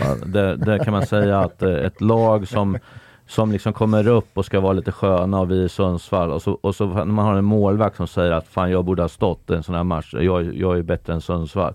Ja, då tar man bort honom. Så har man använt fyra riktiga jävla slipsar alltså. De är så bedrövliga allihopa. De är förlorat matcher tack vare målvakterna. Du är team Linnér här. Ja, 100 procent. Alltså, Uppfriskande. Ja, men man måste ju som tränare inte kunna, liksom, du, du kan inte bli liksom, stött av en spelare och tycka att den är bättre än laget. Alltså vad fan han, låt han stå och låt han rädda bollar så att de vinner matcher. Kan inte hålla på som ett juniorlag, liksom att alla trivs och vi är Sundsvall och vi går och äter tillsammans hela tiden. Alltså det kommer aldrig räcka. Då blir det upp och ner i en hiss alltså. Mm. Och, och jag, jag hade mer köpt om de hade haft bra alternativ. Men de har ju kört fyra olika där alla är Ja, de är helt enkelt urkass. Vad, vad gör man då när man ligger så pyrt till som de gör? Man har den begränsade budget man har och man har en spelartrupp som uppenbarligen är lite för svag för att konkurrera om eh, ett, ett nytt kontrakt. Lägg allt på målvakt, säger jag. För annars brukar jag alltid vara den som köper forwards och sånt. Men här har man ju sett, det går inte med de där. Så de måste lägga allt de kan på en bra målvakt. För, som i alla fall tar det han ska ta. Har ni sett en del mål de har släppt in? Alltså mm. det är helt omöjligt. Det händer inte på korpen om du och kollar. Liksom. Nej, och, så skulle, skulle de där målen ha gjorts i någon eh, dalkurd eller arameiska, syrianska, syriska match, ja. då vet man hur det hade låtit på Twitter. Exakt. Exakt, och det är där jag menar att laget mår inte bra när det, när det händer så konstiga saker som det gör. Så där måste man börja med. En som tar i alla fall där man ska ta. Sen gör inget man tar lite till, det kommer de behöva. Men han måste ta det han ska ta. Det, det går inte annars. Tänk om de skulle ta Linnér. Ta tillbaka honom. Då är man stora säger jag. Då har man gjort rätt. Ja, det hade varit eh, otroligt mäktigt. Eh, Diffen då, som är på besök, eh, de ska ut och Europakvala mot eh, Rijeka från eh, Kroatien. Väldigt eh, tufft motstånd. Men eh, på tal om eh, det vi snackade om kring, kring Peking där, att det är lite svårtytt vad gäller Djurgården, så är eh, det ändå adjektivet jag, jag, jag, landar i när jag försöker liksom summera mina intryck av, av Djurgården hittills. Va, vad känner och tänker du? Eh, jag, jag håller med dig, men sen när jag börjar titta på siffror och sånt här som jag håller på med, så min känsla är att de inte, de missar mycket målchanser. Men de har gjort mer än vad de borde ha gjort. Och det, det är också så här, det är skönt ibland att man får det på pappret istället för att man går på känslor hela tiden. Eh, Djurgården tycker jag kom igång på slutet. De fick igång sin mittfältstrea. Vi pratar om mittfältet. Den, den var ju liksom svag tycker jag mot vad vi förväntar oss och, och hur den brukar se ut. Så har inte den varit riktigt bra. På slutet kom den igång. Till och med att de började göra mål. Både Schüller och Findell. Och att Mange började röra på sig också. Eh, det, var, det var otroligt viktigt tror jag. Sen eh, fick man lite sådana här eh, Edvardsen är bättre från vänster tycker jag än vad han är som nia. Men då fick man in eh, en lirare där och då blev det att han fick anpassa sig. Ibland kan lite för mycket godis bli lite för mycket problem egentligen. Så att eh, jag tror inte att de mår jättedåligt av om det inte blir en förlängning och att Edvardsen kommer ut. Men eh, då ska man samtidigt ha in en ny nia. Kalle Holmberg tror jag kommer gå vidare och gör han inte det så han är ju med på bänken när man är på, eller på läktaren när man är på bänken, vilket känns ju också konstigt kan jag tycka. Eh, Vissa matcher har de inte ens haft en forward på bänken när de ligger under. Jättekonstigt. Men de är ändå så pass inkörda att Djurgården är nästan aldrig är riktigt dåliga tycker jag. De, de är alltid en bra prestation och eh, får de bara igång sitt eh, eh, mittfältsspel så kommer det bli bra. Nu har det ju eh, varit ganska tydligt efter en ganska jobbig eh, premiärmatch eh, rent defensivt mot Degerfors att Isak Hien besitter en jävla potential och att han säkert kommer bli jättebra. Men det är väl fortfarande favorit på att eh, Marcus Danielsson eh, landar in här nu när fönstret öppnar och att man stärker upp mittförsvaret med honom. Utöver det så tänker jag att det också finns mycket, mycket mer att ta av på det där mittfältet. Eh, Om vi nu har pratat bra tremannamittfält eh, hittills eh, i, i vissa lag så tycker jag att Magnus Eriksson, eh, Hampus Findell och, och Rasmus Schüller kanske är det mittfältet med allra högst högsta nivå, men som kanske inte har kommit upp i den speciellt många gånger, eller många matcher, den här serien. På det, Viktor Edvardsen lär väl bara bli bättre. Eh, vi har Wickheim som också nog eh, ska vara bättre än vad han har visat hittills. Ja, sämre går det inte att vara. Nej, nej visst. Eh, och på det så finns det väl ett, eh, ja men, tror jag, eh, alltså jävlar anamma känns jävla grunt uttryck, men det finns ju någonting i det här Djurgården vinnarmentalitetsmässigt som jag tycker också har saknats lite under den här våren, som jag tror att Kim och Tolle, ja men det, det är ju deras liksom sigill som de sätter på sina lag, att vi ska i alla fall alltid göra jobbet och vara tunga och vi har ett ramstarkt kollektiv som till slut kommer tugga ner många motståndare. Har saknat det Djurgården lite under den här våren. Men eh, jag tycker av de lag som nämns där uppe i toppen, så tycker jag att det finns liksom mest att ta av i Djurgården. Det det håller jag med om. Och ytterbackarna som var ganska bra i början eh, på kuppen var ju, har ju varit svaga i Allsvenskan om man ser till vad de, hur de gjorde innan och hur det har känts. Och vänsterback, men Pierre som har varit en del borta, Check har ju varit borta hela tiden och man har fått me- lite där. Eh, och en jättebra eh, värvning av Piotr Johansson som flög fram i kuppen. Men det är något annat att spela i Stockholmslagen när det väl liksom börjar och när publiken skriker liksom könsord, att du är så jävla dålig och allting. Att du ska kunna leva med det. Det är fränt när det går bra, men du måste också klara av det när det går dåligt. Och det har han inte gjort uppenbarligen. Eh, och eh, det finns ju det, just därför som du säger, finns det ju mer att ta av det. Han måste ju bara lära sig att så här är det. Det är, det är könsord. Det är det, är det lindrigaste kanske. Ja. Det brukar jag säga. Då, då har man gjort det hyggligt ändå. Nej men sen, eh, sen tycker jag så här, vi- viktigt eh, när man kollar på Allsvenskan, vi pratade om Hammarby tidigare som tappar lite nyckelspelare, Eh, men givetvis kommer värva, men det finns lite eh, frågetecken såklart, eh, hur lång tid det tar innan de spelarna kommer in och vad som händer i gruppen och sådär. I Djurgården tycker jag eh, det, det, ja, men man får behålla sina nyckelspelare, man kan spetsa den här truppen ytterligare, Marcus Danielsson kan komma in, alltså när man pratar om de kommande 20 omgångarna här i Allsvenskan. Och eh, eh, ett ledarskap som har funnits under en lång tid, alla vet vad som förväntas sig av en. Eh, det är jättepositivt med Martin Cifuentes och han kommer säkert bygga upp eh, ett Hammarby som kommer funka över många år. Men om man ska jämföra dem med Djurgården där man vet allting redan, eh, där, där det är spelare som inte riktigt har kommit upp i sin nivå och lagdelar som inte riktigt har presterat än, men man vet vad som finns där. Eh, det, det tycker jag är de viktigaste komponenterna här om man ska spekulera i vad som händer de kommande 20 omgångarna. Ehm, eh, Viktor Edvardsen, vilken, vilken position ska han ha? Tycker jag också är intressant, för det pratade vi om inför. Jag var själv väldigt kritisk till att han helt plötsligt skulle gå in och spela nia, när han har spelat ute på en vänt, vänsterkant i Degerfors och, och, och lekt ensam cirkus. Här är ett Djurgården mycket mer boll och ska han vara statisk där framme, eh, så intressant det som Alex säger också, som jag tyckte under hela, hela den här våren egentligen, och så har kommit lite kritik från supportrarna, man har pratat om Viktor Edvardsen som, Edvardsen som nia. Eh, att, eh, att han faktiskt hittar sin position här. Men det stora är liksom att det finns en trygghet i Djurgården, finns en, eh, finns, finns en tydlighet i det här ledarskapet och man kan bara nu under sommaren krydda. För de allsvenska klubbarna hamnar ju alltid mitt i det europeiska fönstret. Och eh, det får man ju tänka lite på när man bygger truppen också i januari, att det kommer kunna hända grejer då. Hur ser vi på de här spelarna? De här kommer vi eventuellt förlora eh, och sådär. Eh, och där tycker jag Djurgården hamnar rätt någonstans den här säsongen. Och det talar för att de kommer gå bra. Det var ju väldigt höga förväntningar på Sead Haksabanovic när han eh, återvände till allsvenskan och eh, då i blårandigt. Eh, det återstår väl att se vad som händer med honom, Jordan Larsson och övriga Rysslands spelare. Men ingenting talar väl för att eh, speciellt många återvänder till Ryssland i, i juli. Vad va, va vet du där? Vad är din känsla kring de här spelarna och kanske Haksabanovic i synnerhet då? Det är ju lite vad eh, Fifa och Uefa bestämmer. Eh, för att om det blir så här, vi väntar ett halvår till, då finns det liksom ingen mening för dem att gå till något annat lag. Men om de säger så här, de som är Ryssland, deras kontrakt, de förstörs, det blir liksom noll. Då kommer man i ett annat läge tror jag. För att det är dumt att eh, åka till ett halvår till något annat när man inte riktigt kan det. Med tanke på hur ändå allsvenskan är het nu och mycket publik på matcherna och allt det där så skulle jag bli förvånad om några drar något halvår till Spanien eller någonting istället för att man är där man ska vara. This just in. Eh, vet jag inte riktigt om det är applicerbart eftersom ni hör det här eh, två dygn efter det spelas in. Men eh, Kalle som finns i studion, han eh, visar upp en eh, artikel här från eh, Fotbollskanalen som gör gällande att de här Rysslandsspelarna alltså blir fria ett år till. Mm. Det talar väl för, tänker jag, att det snarare finns större pengar att hämta någon annanstans i Europa, eller kanske rent av utanför Europa, eh, än att man då förlänger sina allsvenska kontrakt. Ja men så är det ju. Ett år är ändå ett år då. Ja. Och då är det värt det. Men ett, Det är en hel halv- säsong. ett halvår hade inte varit värt det. Liksom så. Så att, eh, då tror jag också att det, att det kan hända på utlåningar på andra ställen. Absolut. Så du ser Haksabanovic till exempel då som förlorad för Djurgården? Ja, men med Bosse vet du ju aldrig. Liksom. det gör är- man fan inte. Det är ju en ishink på, på Brillo och sen så är han kvar sen. Man har ingen aning. Typ, så liksom, så att, eh, men just Bosse har man ingen aning.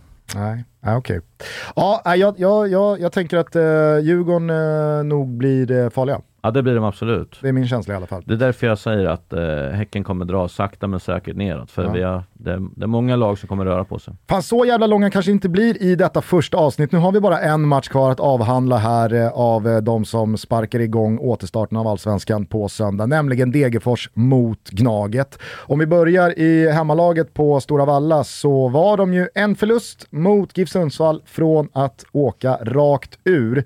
Det var en eh, episk stund i Discoverys allsvenska sändning som du kommer ihåg Thomas att jag vurmade mycket för hur Axén klart och tydligt gentemot Tommy Åström sa att om de förlorar ikväll Tommy, då är de ur. Men det har ju bara gått sju Ja. omgångar Alec. Då är de ur! Nej, du, var, du var väldigt tydlig där och jag gillar ju liksom när man, när man kan läsa en hel säsong sådär tidigt, det är lite det jag pysslar med på min, eh, på min lilla kant här borta. Eh, och jag vet ju att di- din kristallkula är också väldigt, väldigt klar eh, Alec. Eh, och så att eh, jag tyckte mycket om det, att du var väldigt tydlig och jag hör vad du säger också. De eh, vände ju och eh, vann den här matchen mot eh, Giffarna Sundsvall efter Abdelrahman Saidis hattrick mot slutet. Osannolikt faktiskt, måste man ju säga. ja, det, alltså Okej att man slår Giffarna, men att man gör det på det sättet och att den spelaren går in och gör hattrick sista åtta minuterna. Ja, det, var, det, är- det är otroligt och, och liksom när 2-0 dök ut då, då, upp, då tänkte jag herregud alltså det är ju, de kan ju liksom lägga ner redan, flytta ner redan i omgång 10 liksom. Men, men den vändningen gjorde också att de såg lite bättre ut ett tag. Men jag, jag måste vara ärlig och säga att det är samma där. Alltså försvarsspelet är ju genant dåligt under, under vissa perioder. Och att de inte lär sig, det är där jag undrar. Jag gör alltså matchen när de spelar hemma mot Elfsborg. Vad vet man om Elfsborg? De pressar tok högt hela tiden. Varför, när du är dålig, ska du hålla på och spela i straffområdet då? De ger bort två mål, bara ge bort dem. Alltså. Alltså jag blir så jävla förbannad när jag ser sånt där så jag håller på att tappa huvudet alltså. Och, och då menar jag som sportchef Werner, han måste sätta sig med tränaren och säga så här. Är det så här ni ska spela eller kan ni tänka er att ändra? För säger de att vi kör våran grej, då är det bara att ta bussen till Karlskoga och så hörs vi. Typ. Alltså det är ju ingen mening. Det finns ingen utväxling i det. Men de måste ju lära sig att vi kan inte spela så här nu. Det går inte att vara för sådär romantisk att Degerfors gör vi så här och så här. För på något sätt så måste man ändå försöka vinna matcherna. Och det kan man inte göra genom att spela så eh, huvudlös huvudlöst som de har gjort i många matcher. Nej, alltså det är en sak att som eh, Potters Östersund gå genom serier, komma upp i allsvenskan och, och, och liksom vidhålla sin spelfilosofi och idé om att det är så här vi spelar fotboll. När du uppenbarligen också har material för att fortsätta vinna matcher och ta dina poäng. Jo men de, de, de spetsade också till det eh, Gusten, för att i början, vi, första gången jag såg dem, då spelade vi Superettan mot dem. Alltså jag, jag, tror att det var de 31 minuterna. Jag tror inte vi nuddade bollen. Men, men de var på sin planhalva hela tiden. Så ja. hade vaktmästaren kommit och skjutit bort vårt mål, de hade inte märkt något. Nej. De tyckte det var skitfränt att passa. Men ju bättre de blev, desto mer kunde de variera det där. Och det är där jag menar att fotboll är ju liksom, du måste kunna göra både och. Inte bara en sak. Och då, när Östersund vart som bäst, då kommer de här vipp helt plötsligt bakom backlinjen när alla stod och sov för man trodde att nu blir det 20 passningar till och så. Den, alltså man måste hitta den skillnaden. Och det hade man med Edvardsen. När man helt plötsligt slog den där långbollen så sprang han igenom. Den har man slutat med nu och, och det är där jag tycker att det är fel i, i Degerfors. För att jag ser framåt har Degerfors ganska roliga spelare. Diego Campos är en som jag föll för tidigt. Riktigt, riktigt bra. Jag sticker ut hakan och säger att den är ungefär en ny Paulinho. Jag tror att det är många lag som kommer titta på honom om, om Degerfors åker ur och så. Men försvarsmässigt, aj jösses alltså. Det känns som att har du bara på dojor så får du lira liksom. Det är mm. helt otroligt. Alltså av bara farten så slog man ju Helsingborg där efter den här segern mot Sundsvall. Men efter tio omgångar så har man två vinster, åtta torsk, sex poäng och minus 15 i målskillnad. Jag tänker att för Degens, eh, men, för Degens liksom hopp så finns räddningsplankorna Helsingborg och Giffarna. Och att mm. man får, ja men det, det, är fortfarande fullt rimligt att man kan ta en kvalplats och klara sig kvar. Men jag är ju på din linje att sammantaget så gör ju inte de där två segrarna att man tror att Degerfors är någon poängmaskin här över sommaren. Eh, utan snarare kanske ett gnetalag som ändå kan göra det mot sina eh, bottenkonkurrenter när det väl gäller. Exakt, och så har de ju skrällt hemma förut och förra året, vann mot AIK, vann mot Djurgården och sådär. De lagen åker dit nu med en helt annan eh, liksom insats och vet vad som är att byta om i den där ladan där borta och liksom allt vad det innebär och resan dit och allting den får de inte lika gratis nu. Man brukar ju prata om det svåra andra året och jag tror faktiskt att det är så just för Degerfors. Däremot har jag hög... I synnerhet när man har blivit av med sin sångare. Absolut. Och, men jag, jag pratar men... om den andra svåra skivan som exakt, jag gillar, inte exakt. andra svåra ah, ja, det, Jag kan köpa det. Uh, jag, jag har ändå stor respekt för Werner. Jag tror att han drar ur några kaniner igen i den här hatten som man brukar göra. Och det gör att han... Eh, där är inga ishinkar på Brillo, där är det en nej, pizza på Bosna. Ja, det, överlever man det och, och det känns som fortfarande en bra kille, då kan det gå bra för honom. Typ. Men börjar han prata om att han vill bo i Karlskoga, då är, då är han illa ute. Men, ja, men jag tror att han kan lösa det. Men framförallt, de måste köpa in ett par backar och sluta spela så naivt. Ja, ja. Eh, på besök kommer då AIK, eh, detta oerhört omdiskuterade Gnaget eh, med Bartos Gjelak vid rodret med John Guidetti in i truppen på väg mot debut här i mitten på juli med en landslagserfaren ryggrad i form av Sebastian Larsson, Micke Lustig, Kristoffer Nordfeldt med då en ja, men, bästa elva på banan som väl är allsvenskans starkaste, eller? Är det taskigt mot Malmö och Djurgården och kanske något lag till? Mm, inte taskigt, men jag tycker att det saknas kanske en spelare i AIK. Eh, en ytter. Eh, det är där som saknas. Sack med all, liksom, han är snabb och sådär, men det blir inte mycket alltså, poäng och sånt. Han såg ju riktigt bra ut i AIK för att han kunde springa förut. Jag tycker aldrig han har sett bra ut. Nej, men han såg snabb ut om jag säger så. Då. Så det hände ju någonting i alla fall. Eh, jag tycker att de, det saknas en spelare för att de ska vara absolut bäst. Allt annat håller jag med om. Men med Guidetti in då, kan man inte på något sätt täcka upp för det där med Stefanelli och eh, Nabbe och få bort Sack från elvan? Ja, någonting måste man göra. Sen är det frågan vad som händer med Bilal också. Det ryktas att han ska bort och det trodde ju inte jag att det skulle vara så stor betydelse att han var borta, men när han var skadad, då såg man verkligen hur illa ute AIK var.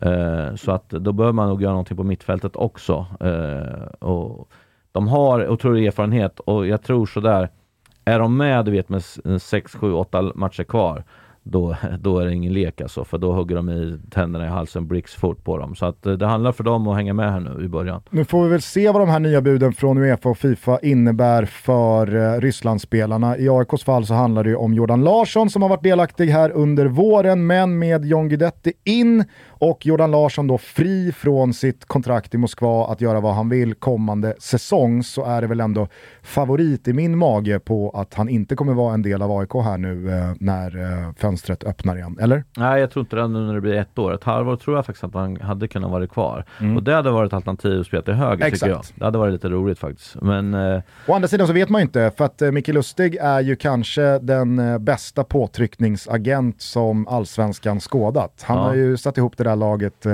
all by himself, typ. ja, det har han gjort bra. Mm. Frågan är bara hur mycket han har betalat själv. men- liksom. Ja. Nej men Alex säger någonting som jag tycker är intressant och som man skulle kunna eh, utveckla lite eh, diskussionen kring. Alltså vi pratar om Bartos lag och som ett väldigt ramstarkt lag, vi vet exakt vad vi har AIK. Och när försvarsspelet eh, spelet funkar och man har anfallsspelare som kan göra skillnad, ja, men då, då, då vinner man matcher och då kan man vara med länge i en guldstrid. Eh, men eh, du nämner Jordan Larsson till höger, vi pratar om den positionen där eh, AIK kanske är svagast då med Sack. Hur låst är Bartos, eller hur viktigt är det för AIK att, att behålla det sättet man spelar på? Har man ens jobbat på en plan B, en plan C? Alltså kan det här AIK spela på något annat sätt? Om det är så till exempel att Jordan skulle vara kvar då John Guidetti kommer in som en tydlig nia och ja men, vart placerar man Nabbe då? Kan man få till det med ett annat spelsätt? Eller ändrar man om för mycket rent taktiskt i AIK mitt under säsong då? Eh, det är, det är väl kanske en fråga då jag ställer, det är väl mest intressant till dig Alec. Eh, vad, vad, vad tycker du? Och har eh, Bartos förmågan att taktiskt ställa om det här laget till att spela på ett litet annat sätt? Jag, jag tänker så här, eh, jag, jag tycker din frågeställning är, är jättespännande och, och, och man skulle vilja veta hur de tänker. Eh, Alltså ibland, jag tycker att de spelar typ 4-4-1-1 eller 4-4-2 eller hur man nu vill Mm. säga, men han vill ju lite mer säga eh, 4-2-3-1 ibland och lite 3-4-3 och sådär. Alltså, alltså det är Så mycket håller alla siffror. på. Ja jag vet, det är mycket sifferlek och sådär. Men Janne också, om man pratar om landslaget, som också var väldigt låsta i sitt spelsätt. Alltså, han pratar ju också om liksom 4-5-1 och 4-3-3 och sådär. ja, Med Forsberg som eh, gick in och visst, det går väl att hävda med AIK också, men i grunden så är det ju ganska, men, hyfsat lättläst lag ändå. Ja men så är det och eh, jag, jag tänker så här, som tränare, din, din huvuduppgift är att ta med de bästa spelarna och sen får systemet bli efter det. Exakt. Det, det jag har pratat till exempel med eh, Nabil om ibland är att jag säger fan, du vet när du var på kanten, det var jävligt jobbigt att möta och sådär. Då sa han, men så som vi spelar så måste jag jobba hem så långt på kanten. Så då tappar jag min offensiva förmåga nu när jag blivit äldre och sådär. Så jag måste spela 9 eller 10 liksom. Och det är väl det som skulle kunna ställa till det lite då, att Jordan och eh, Stefanelli får gå ner alldeles för långt eh, för det där då. Men samtidigt blir man bra på att sätta på hög press som AIK ändå försöker göra, även om det var idiotiskt mot, eh, mot Häcken, så, så blir, behöver du inte jobba hem så mycket i många matcher. Det kommer ju vara så i några matcher, men så är det ju alltid. Men blir du bra på den höga pressen, då kommer du kunna vara kvar med dina bästa spelare så högt upp som möjligt hela tiden. Gnaget eh, har väl relativt sett varit sämst av alla när det kommer till eh, Europakval det senaste decenniet sett till hur bra man har gått i allsvenskan och vilka slagkraftiga trupper man dels har eh, huserat men också försökt sätta ihop för just att nå ut i Europa igen. Men det har ju varit fiasko på fiasko på fiasko känns det som när man bara liksom på volley blickar tillbaka i backspegeln. Nu väntar Vorskla Poltava. Thomas, vad tänker du på när du hör Poltava? Slaget eller? Jajamän, slaget vid Poltava, vintern 1708-1709. Det var väl eh, Karl XII som påbörjade slutet på stormaktstiden för Sverige. Ja, det är precis. Det är det man tänker på. Är det liksom någon cirkelslutning här att Gnaget påbörjar en stormaktstid i Poltava eller blir det samma visa igen tror du att eh, när det väl ska kvalas till Europa så eh, väger man lite lätt? Ja, men jag tror, eh, det, det, det tycker jag är ganska intressant, alltså om vi kopplar an då till hur Bartos har spelat så, så tycker jag väl att det borde kanske funka i den här typen av matcher. Att, att, man lit, att man har en trygghet i sitt försvar och att man har en trygghet i, i att stå lågt och att man med eh, Jordan Larsson, Eh, med eh, Stefanelli och Nabbe de här kan ställa om, att det kanske passar i ett kuppspel också. Att man kan vara lite cyniska eh, och ta sig vidare från de här, låt oss säga pissmatcherna i början innan det börjar hetta till. Jag tror att det är i alla fall viktigt inför att det blir typ Celtic i, ett avgörande kval för att gå in i ett gruppspel. För då kommer man inte kunna pressa högt, utan då måste man lida sig igenom sådana matcher Eh, och förlita sig till den eh, liksom offensiva briljans som ändå finns i AIK. Att, de, att det blir lite ensam cirkus på någon och dra upp den i krysset sådär. Men då blir försvarsspelet så otroligt viktigt. Eh, och sen så ska man inte underskatta de där lagen heller. Utan det, det, det vet vi sedan tidigare, det kan, det kan liksom smälla till direkt. Men jag hoppas att man försöker utnyttja det, alltså den fördel man ändå har av att vara i säsong jämfört med, med de europeiska lagen liksom som startar sin försäsong här. Uh, och uh, det måste man vara bättre på liksom, i, i, de allsvenska lagen, att verkligen kunna utnyttja det. Och det kanske blir lite på bekostnad men, uh, på, i allsven med det allsvenska spelet, men jag tycker ändå att det finns tillräckligt eh, breda trupper i, i de där lagen, att det borde gå att eh, rotera lite grann i alla fall. Jag tänker också när det kommer till AIK så är väl det det topplag som flest gånger, samma då det senaste decenniet, har fått bygga om sina trupper just för att man liksom demografiskt eh, har byggt trupperna för att vinna nu. Man kanske inte har tänkt så mycket på två, tre år framåt för att de bra, riktigt bra unga spelarna, de ska säljas och sen så har man ja, 33-34-plussare som man kanske får ut en säsong till av. Två säsonger till. Men de här har bara hängt i. Och nu står man där igen med ett lag som snarare känns redo att vinna nu än att vara slagkraftiga om tre år. För vem vet hur det här AIK ser ut om tre år med då den här äldre generationen som lär ha tacklat av då. Eller så fortsätter de bara prestera på den här högsta allsvenska nivån som vissa av dem eh, liksom verkar kunna göra precis hur länge som helst. Vad, vad, vad har du för liksom krav på det här AIK, sett till var de kommer ifrån, hur mycket som ändå är nytt. Eh, men ser man till spelare för spelare så är det ju kanske hela eh, allsvenskans mest eh, slagkraftiga startelva. Ja men det, det, det, är ju de och Malmö om man ser på erfarenhet och, och kvalitet. Så är det ju det. Eh, och jag blir förvånad om de inte kommer gå bra i Europa nu. För det känns ju som att även de här spelarna börjar fatta att det här är nog kanske ett år eller ett år till max jag har ute att göra och då måste man ju tända till sådana här matcher. Då kan det bli så att de får lida lite i Allsvenskan. Men det här måste ju Bartos ha sin fingertoppskänsla i att man spelar en jävla ring eller Strandegård eller du förstår vad jag menar som egentligen inte håller någonting. Men att man har dem i någon match och så ska man vinna den matchen bara eh, och att de gör mm. det bra. Liksom. Man måste ha det den känslan av att de måste göra det för att du måste gå på absoluta max i Europa. Du måste gå på otrolig eh, kvalitet i Allsvenskan också. Men det går inte att köra på båda. Det går inte liksom just för sameslitningarna och sådär. Men att eh, hitta en bra balans och kanske inte byta fyra samtidigt för det kommer inte räcka. Ja. Utan man byter liksom en eller två på vissa ställen och så får de andra komma in. Liksom. Jag vet ju när jag pratade med Åge att ja han, eh, han växlade i Malmö och så sa han ju att ja, vi roterar. Men egentligen var han svinförbannad på att Rosenberg inte kämpade ordentligt i någon bortamatch någon gång och sådär. Och då bara, ja den där jäveln får sitta nu. Men då sa han rotera. Och så låg de under med 1 och så kastade de in han och så gjorde han två mål och så vann de med 2-1 och så garvade han bara. Liksom att mm. hitta den balansen, hitta den kylan i vad man ska mm. göra. Nej, jag, jag håller bara med. Alltså, vi, vi, vi vill ju sällan prata rotation i, i Sverige, men jag tycker att det är så jävla viktigt. Eh, dels balansen men också fingertoppkänslan som du är inne på Alec.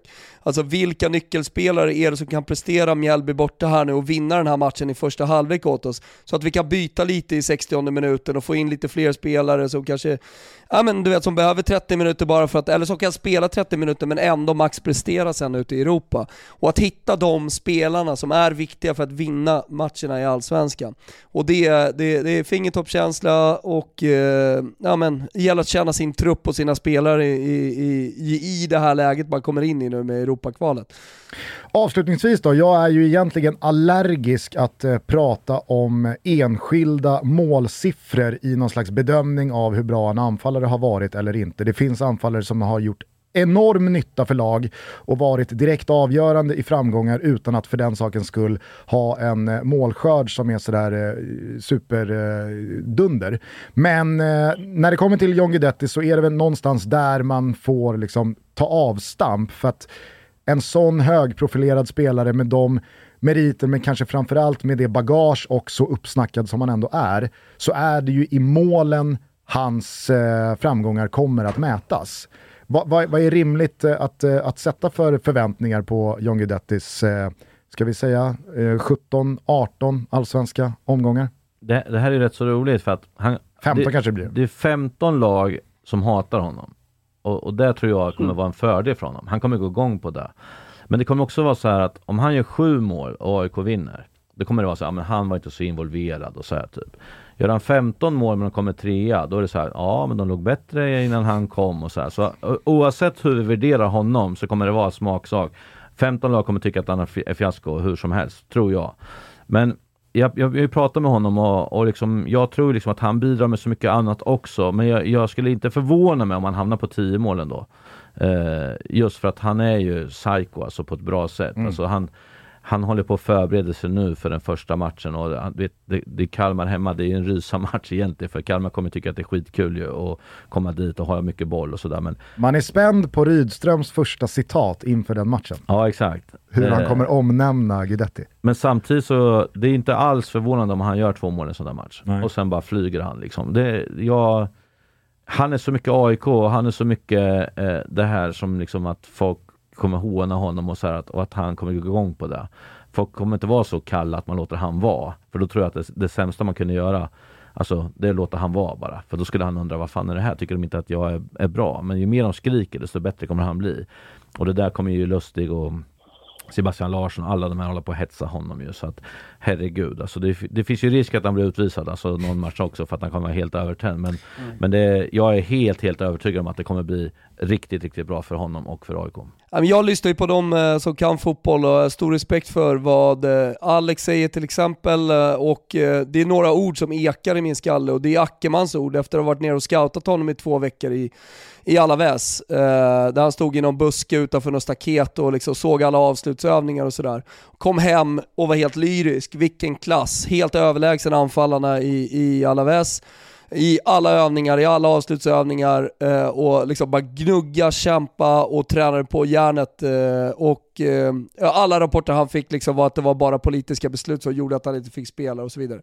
Eh, så, och, minns man tillbaka lite hur han var i, i eh, Allsvenskan när han var en eh, valp mer eller mindre och spelade BP sådär. Så borde det ju vara en, alltså, om, om, man- om man ska prata objektivt och lite rimligt kring det så borde det ju vara en ruskig jävla anfallare för vilket allsvenskt lag som helst att få in. Och för AIK då, ännu mer, för det som Alec är inne på, att han är så mycket AIK och går igång på allt det där och spelar i ett lag där han kommer ha 15 andra lag emot sig eh, och att det sporrar honom.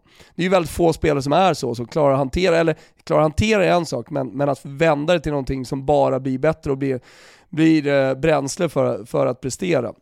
Och det är ju det är faktiskt en sån spelare eh, man får in. Jag skulle kunna sträcka mig så långt så att det, det, det var ju inte alls någon valp de där få matcherna han gjorde på lån i Allsvenskan Nej, i, i BP, utan det, det var ju faktiskt imponerande måste jag säga, att, att se honom så ung spela det liksom power-anfallsspel han gjorde i de få matcherna. Sen är det en evighet sen och det är en annan spelare idag och han är ju betydligt mer matchotränad och kanske ringrostig nu, kanske på ett helt annat sätt också mätt än vad han var hungrig då.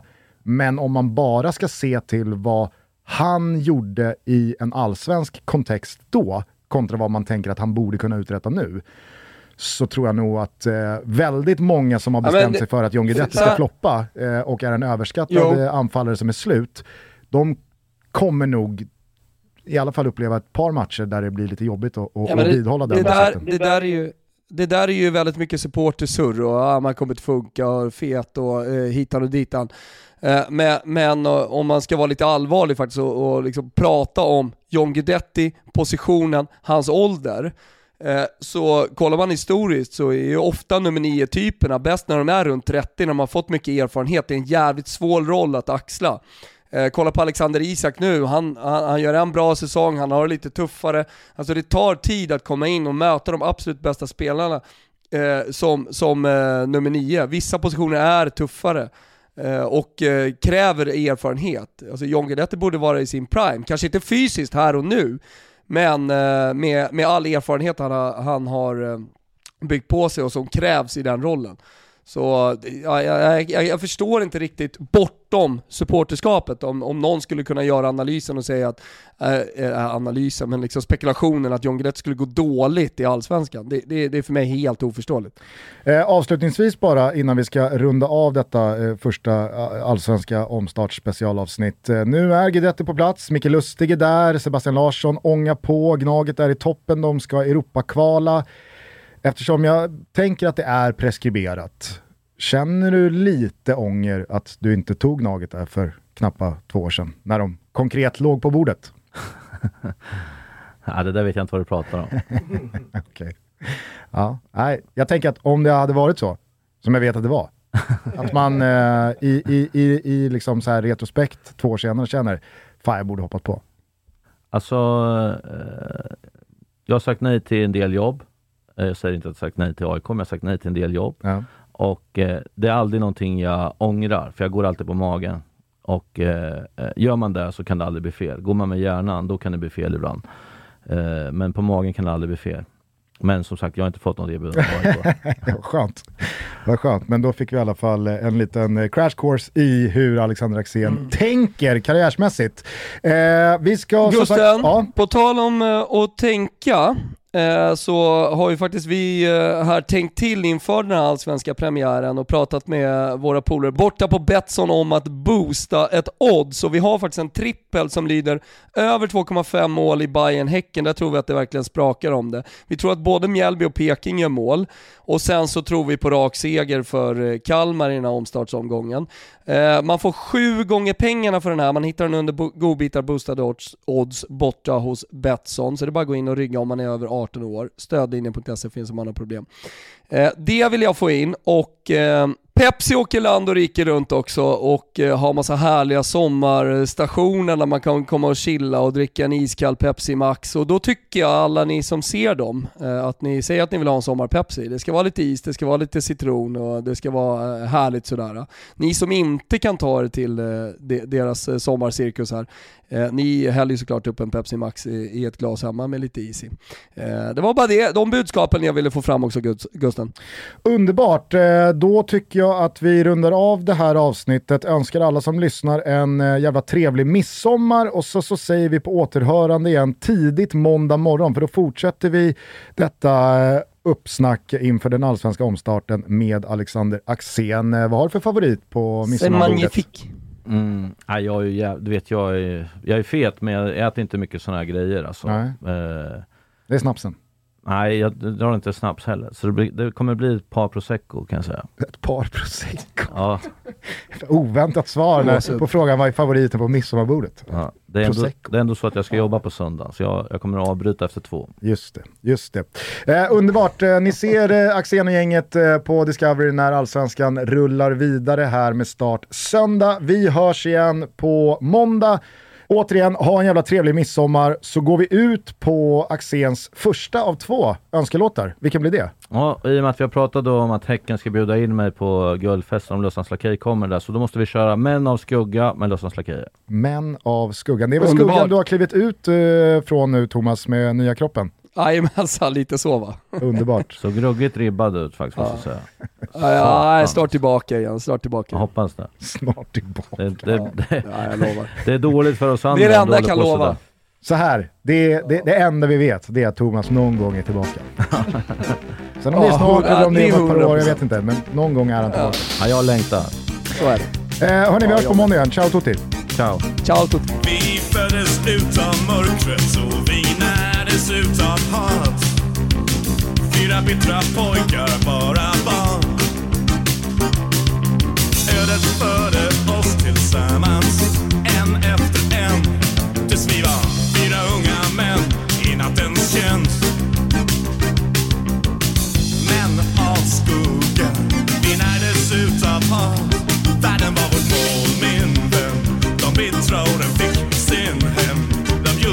Gjorde oss till kalla män. Mörkret var vår vän. Uppdrag i Genève, Moskva. Vi mötte faran varje dag. Men livet var en dans, kvinnor och champagne när skuggor svepte fram. Vi svetsades tillsammans under tusen och Vi bildade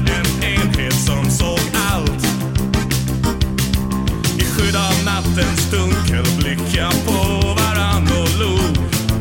Vi nickade, här behövdes inga ord.